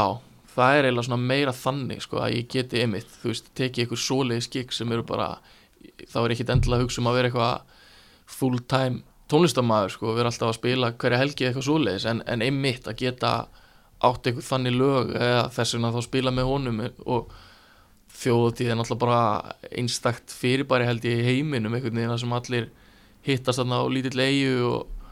allir einhvern veginn frá sama landi að hlusta á tónlist á okkar tungumáli mér finnst þetta svo ótrúlega romantíst eitthvað og skemmtilegt sko. þannig að það held ég að sé klálega og ég var einmitt að hugsa einhvern veginn þetta er draumurinn sem íslensku tónlistamæður að geta spila þarna á þessari hátíð það er náttúrulega bara allir mættir þarna einhvern veginn til að hafa gaman og svo verður þetta alltaf bara einhver ótrúlega stemning sem að myndast þarna og, og í brekkusögnum einhvern veginn maður, maður satt þarna bara einhvern veginn að átt að segja því þetta var einhvern veginn bara Ingo því hann er alltaf bara Ingo fyrir mér en, en svo er hann þarna með einhvern veginn stærsta gigi sem að finnum að stærra gig á Íslandi ég held ekki. Og, og hann er náttúrulega bara ég hef aldrei nokkuð tíman séð mann sem er betri að ná stemningu sko, hann getur einhvern veginn bara náðu stemningu eitinn á klosti sko, það er einhvern veginn alveg ótrúlegt sko, þannig að já, hann hefur ótrúlan hæfileika í því og einhverja, einhverja guðskjöf að- að semja texta og, tónlist og, og ná stemningu, það er bara, maður satt að einhvern veginn bara svona hálf bara, er, hvað er í gangi? Sko, félaga maður sann í kringum kringum ekki að missa það bara að syngja með sko, og maður svona wow, eðst, já, þannig að það held ég að vera klálega gaman sko, að geta, geta það í daginn. Algjörlega, fyrst eru mættir í stemminguna í brekkunni Ingo uh, Arlís Martinsson Suðurlandsins eina á spilar í fjóruðlut á Íslandi í fótbolta Já, og svo er allt í hennu lagamann í brekkursurnum brekkursurnum sýtur í beinni útsendingi sjónvarpi, 15 ás manns og allir syngja með. Já. Getur aðeins útskipt bara sögun á baku þetta? Sagan að baka þetta er náttúrulega rosalega einföld. Ég, mér langaði til að gera heila plötu og ég áaðlega fjögur, fimm lögu viðbúti um svona selfos kempur sem heila engin veit hverjir eru nema hardcore selfisingar sko og hérna vorum við um þetta klára lagi gæri sem heitir Valli Reynis sem er líka svona önnur kempa sko svona, sem hefur aldrei flóið hátt sko en er samt kempa. En það er fyndið með þetta lag vegna þess að ég spila hann náttúrulega hver einustu helgi einhver staðar og það er orðin bara kjarni að fólki eiginlega á hverjum einasta stað sem gjör svona elskar þetta og syngur þetta alveg á fullu. Og þetta hefur einhvern veginn bara svona eskaleitað úr engu bara á þú veist 6-7 árum. Eigamenn byrjuðu mikið með þetta spilaði partíum þar. Svo allt í nú þjóðatíðin er þetta orðið aða lagið og, og það er svo fyndi í svona músík þú veist maður veit aldrei hvað virkar og hvað fólki finnst skemmtilegt. Og það er eins og fólk bara tengi eitthvað grimmilega við þetta. Þetta er svona, svona al, lýsing á okkur svona alþýðu hetju svona að þekkja allir þessa típu sko. Og svona dást einhvern veginn aðeins aðeins sko í leiðinu þeir vildaði myndu sko skína meira. Og það er svona svolítið lýsingin á, á, á aðralíðu sko og alla hérna. Alltaf með hefileika og ímislegt svona maður svona viss alltaf að hann gat aðeins meira en hann gerði sko svona aðeins underachieving sko af því að hann var svona mikið gamli skólin og hérna og þetta bara hefur einhvern veginn bara tengt inn í alls konar hópa og ég heila bara, gummi saði þér enda þetta kom út, þetta er bara besta lag sem þú gert sko. Já, em, já, það var bara eitthvað við innan húk í þessu lægi og sem maður situr náttúrulega sjálfur heima og sér eitthvað að reyna að semja lög og þetta er einhvern veginn það sem að allavega ég er að leita að þó að maður þó að maður semja náttúrulega lög að mörguleiti fyrir sjálfan sig líka en þá að ná þessu þetta er ég veit ekki og mér finnst svo sjarmerandi við þetta lag líka einhvern veginn að það er ekkit eitthvað lagt eitthvað mikið í hvernig þetta tekið upp eða Nei, er bara- svo, svo er bara þessi laglína og þetta eðst, þetta verður bara einhvern veginn já, ég veit það ekki stemningi sem myndast í kring og ólýsalega Arlís spilaði með þér í Selfoss í áraræðir Já, hann er með okkur báðum hann þessum tíma sko. Já, og, og hérna, hvað finnst þú nú sjálfum með þetta? Svona þegar þetta er búið að fara að ná einhverjum hæðum. Ég veit að við erum náttúrulega bara helviti fínu vinir sko, þannig að þegar ég hitt hann þá erum við aldrei að ræða þetta og meðan hann er bara orðin einhver svona kvöldstjarna annar staðar þar sem hann kemur sko. Þú veist, ég var í eigum um KFS var að spila við, þú veist, Stocksir eða eitthvað. Og menn voru bara í stúkunni, þetta er Söðurlandsins eina von, hann er á miðinum þetta er hann, nei, en það? Þú veist, var það alveg svona fíling svona já, en, færðu mikið að spurningum hver þetta er, veist, er Já, ég náttúrulega hefur útskýrt það eitthvað en já, já, það hefur alveg komið fyrir en svo bara einmitt er hann eða orðin bara svona nánast frægur sko, og einmitt á selfossi svona einhverju krakkar og alls konar, þú veist, allt í hennu vita allir hver þetta er sko, Já, það var bara allir frá stokkseri sko, það var bara hann í liðin eitthvað og, og hérna, en það er algjörlega sturlað skemmtilegt af því að hann er svo null þannig típa sko sem maður vill eitthvað láta bera á sér sko og allt í hennu getur hann á alla um, um frjálst höfu stróki hann er bara frægur út af þessu sérstaklega í svona fótbolta kreðsum sko það er hann bara algjört legend sko já, nákvæmlega og, eru fleiri fótballtamenn sem að getum ekki lögum sig frá selvlósi, kempur, er, er þetta Já, kemp- þetta er nefnilega allt tengt svona fótboltakempum sko. Já. Ég get sagt að þetta, hann, já Það eru þrjú svona allavega lög sem að ég hef heyrti taka Já. sem að ég get, gæti orðið svipa dæmi Já, já. er, já. og er það eitthvað í- sem að geti komið út á næstunni Já, alveg eins sko, þetta eiginlega snýst bara um að gefa sér hálfan dag að fara og, og rumpesa og, og, og drulla sér í stúdíu sko, en hérna kannski ekki kvartning til þess en svo bara gerir maður það einhvern tíman og þá bara kemur þetta sko, ég Já. veit það ekki. Viltu eitthvað skupa eitthvað nöfnir eða viltu býða með það? Já, þetta er náttúrulega, þetta er Valli Reynis sem allir ætti að þekkja þarna fyrir austan og, og víðar. Og svo er hérna eitt sem heitir Hefan ekki sem eru markmann sem að var frægur fyrir að fara í útlaup svona in the 90s og það skræði Hefan ekki! Ef hann mista á hann sko. Ég man, uh, þetta er svo fyndil skilur að þegar man eftir þessu sjálfur þarna var ég boltasækja fyrir aftan marki sko. Svo bara einhverjum einasta leik þá heyrði maður útlöp eitthvað glórlust útlöp sko og heyrði maður hefan svo kom alltaf ekki! Já, svona let varðamenn alltaf að vita. Já, það er ekki sko. Og þetta er allt sko veist, hérna, velkomin í dýragarðin það eru dýragarðs fjölskylda sem eru mitt Einar Otto og, og Jón Guðbrandsson og, og síðan fleiri svona af eldri kynnslóðinu sem voru alltaf fræði fyrir að vera bara eiginlega strauja menn sko alveg keksruglar og þau eru með lag sem heitir velkomin í dýragarðin og hérna, þetta er allt lögum hérna, svona kempur sem að voru kannski ekki eh, alveg all-in kempur sko, svona næstuði kempur. Og það er það sem held ég að sé fólki finnir skemmtilegast sko, eins og með Arliðs Martinus það því að þá ertu svona að tengja svolítið við sjálfa þig af því að það eru fæstir sem verða einhverjur alveg fótbollamenn en rosalega margir sem segjast hefðu gett orða, alltaf fræg sagan af leikmann þessi hefði orðið bara næsti eður smári ef hann hefði haldið áfram það er alltaf, alltaf til sú típa sko. Og hérna, þetta er eiginlega allt þannig lög sko, sem svona resonata við þá þær típur sko. Svo má ég samt ekki, ekki heldur gera lítið úr því að þetta eru samt leikmenn sem hafa verið í Selfoss í mörg ár einhvern veginn verið bara að leggja sér fram að reyna að gera sitt besta veginn og það kannski jú, þeir komist ekki upp úr annar dildinni en samt alltaf þarna ár eftir ára að æfa og Já, höfðu alveg ímislegt til, að bera sko, en Já, einhvern veginn náði liðið aldrei að smetla og þetta urðu svona legend sko. Aralíus fer með því bara upp úr annar upp í Pepsi. Já, já, spilaði úrvasteld og allir var bara góðu fótboltamaður en þú veist þess að segja, hann var kannski aldrei í svona eins góðu standi og hann hefði geta verið. Það var svona alltaf svona þið sík og leikli eða eitthvað? Er Það segir textanum já. sko. Já, já, algjörlega sko. og hérna, mitt sko. Er allt í textanum svona uh, nokkur neysat? Já, já, þetta er alveg bara algjörlega satt Bara segi það, það, það Já, og þetta, þetta lag er komið til að vera í brekkursunni Já, vonandi sko. Er þetta ekki múið tvö ári raun núna? Jú, tvö raununa og alltaf fleiri og fleiri sem þekki þetta og, og hérna, jú, við stefnum bara á það ég er áfram brekkusöngin, maður veit náttúrulega ekki heldur með það sko. Nei, en það er ekki, það er ekki alltaf. Jú, jú, vonandi, vonandi heldur það áfram. Já. hérna, á þetta á listanum. Já, nákvæmlega. Talandi um tónlist, þið tveir ætlaði að ha- halda saman tónleika núna eh, 22. desember Já, á Selfossi. Já, mm, Mikið eh, spenna fyrir því mjög sérstaklega allavega, já, fyrir mig náttúrulega aldrei að halda nein, neina tónleika eða vera, ég er náttúrulega ekki að gigga mikið og aldrei út í Svíþjóð eða Erlendis þar sem ég býð þannig að ég er hrikalega spenntur og svo eru búin að vera að er búin að setja upp svona lagaprógram og ég fæ náttúrulega að vera þarna með mín lög svolítið að fljóta með auðvitað hann náttúrulega, já, búin að vera í þessu svo lengi og fullt af frábærum lögum og maður er einhvern veginn svona sérstaklega hann fór að skrifa niður lagalistan og svona fattaði allir, já, herru, vá, hvað átt mörg góð lög uh, þannig að ég er bara, já, hrikalega spenntur fyrir þessu, þetta verður ógeðslega flott. Erum komin náttúrulega með frábæra hljómfæralegara með okkur og, og plani var eiginlega fyrst að vera með þetta á, á kaffihúsi svona veitingasta heima, en svo náttúrulega já, þurfti ég ekki annað en bara að spurja vini mína til að uh, einhvern veginn finna út úr því að það myndi nú fleiri vilja mæta heldur en heldur en, já, hefði komist fyrir á því, því kaffihúsi eða, eða veitingastannum, þannig að hérna, nú er þetta komin bara inn á Hotel Selfoss í flottan sal þar, þannig að þetta verður hrikalega gaman. Og líka að gera þetta heima einhvern veginn, maður hefur svona aðeins saknað þess að get ekki gefið meira af sér einhvern veginn á Selfossi þar sem maður náttúrulega ólst upp og þekkir ótrúlega mikið af, af fólki og á, á alla sína æsku vini þar einhvern veginn. Þannig að svona smá romantík aftur og ég kemur nú romantíkina þetta er verður náttúrulega ríkala gott kvöld og gaman. Og, og þú þú ætla bara með sem byrjuð ekki, þú getur náðið með það er tix.is, það er hægt að kaupa miða og við náttúrulega hvetjum alla sem að hafa á þess að tryggja sér miða sem fyrst af því að viðbröðin er eiginlega hafa verið þannig svona að byrja með. Að það er bara, þú veist, það verður örugglega, það gæti orðið bara fullt hús sko. Mhm. og hérna bara færri komið staðið vilji þannig að á tix.is, þetta er 22. des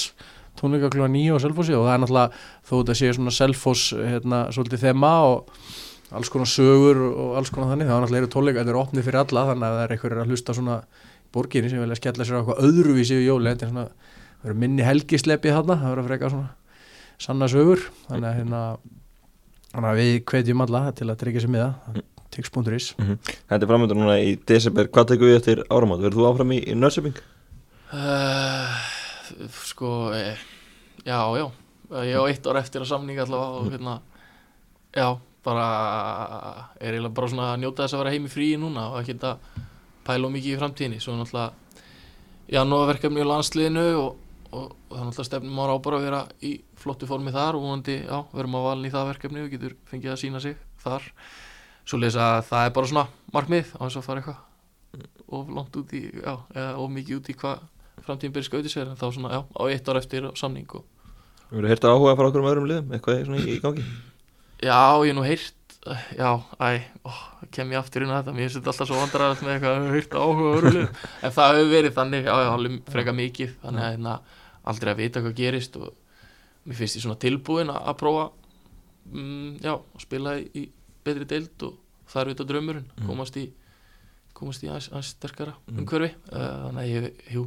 heyrt áhuga en svo bara er ég orðin það svona sjóar í sig, ég veit að það er oft langt að milla þessi áhugi og svo að komi tilbúið sem að liði þarf þá að samþykja og, og allt gangi upp en, Mm. en ég veit að því en, en ég, mér líður vel Norsjöfing og við erum með frábært lið þannig að Mm. já, 26 ára í dag Þannig að kannski komið tíma að færa sér frá Norrlöndunum Þú vilt svona fara að prófa það kannski? Jú, uh, jú, jú og ég hafði náttúrulega möguleika því þannig þegar ég fór frá Sarsborg að fara í stærri deildir en, en ákvað að taka svona rökrétt skref svo lesa núna kannski reynir maður já, ég held að næsta skref verður nú fyrir utan Norrlöndin ef, að- ef að Guð lofar og allt gengur upp og maður bara heldur áfram að á þessari braut sem við erum búin að vera á einbyttir sér sjálfur sér og gera allt sitt rétt og, og vel að þá hérna þá er ekkert sem, að, ekkert sem að stoppa mig í því. Þjálfara námskið á þér? Já, ég ætla hérna að klára það Já, það kom grótarur inn á með þjálfara gráðuna Já, standa af öll stórurinn sko. Maður að fara á selfos eitthvað að rífa kjátt já, nákvæmlega. Þannig að þú verður klára hana bara vantarlega í vor það ef allt gengur Já, ég ætla að reyna hérna, að maður er að taka þess að blessuðu tíma mæta svona sem gestaþjálfari. Það er Já. gott, gott ströggl þannig að maður er að taka það á kassan Já, nákvæmlega. Kemst að eitthvað staðar. Stakar, þetta er búið að vera mjög góð skemmtun. Takk hérlega fyrir bara spjalli og skemmtilega sögur. Já, Takk fyrir. Takk.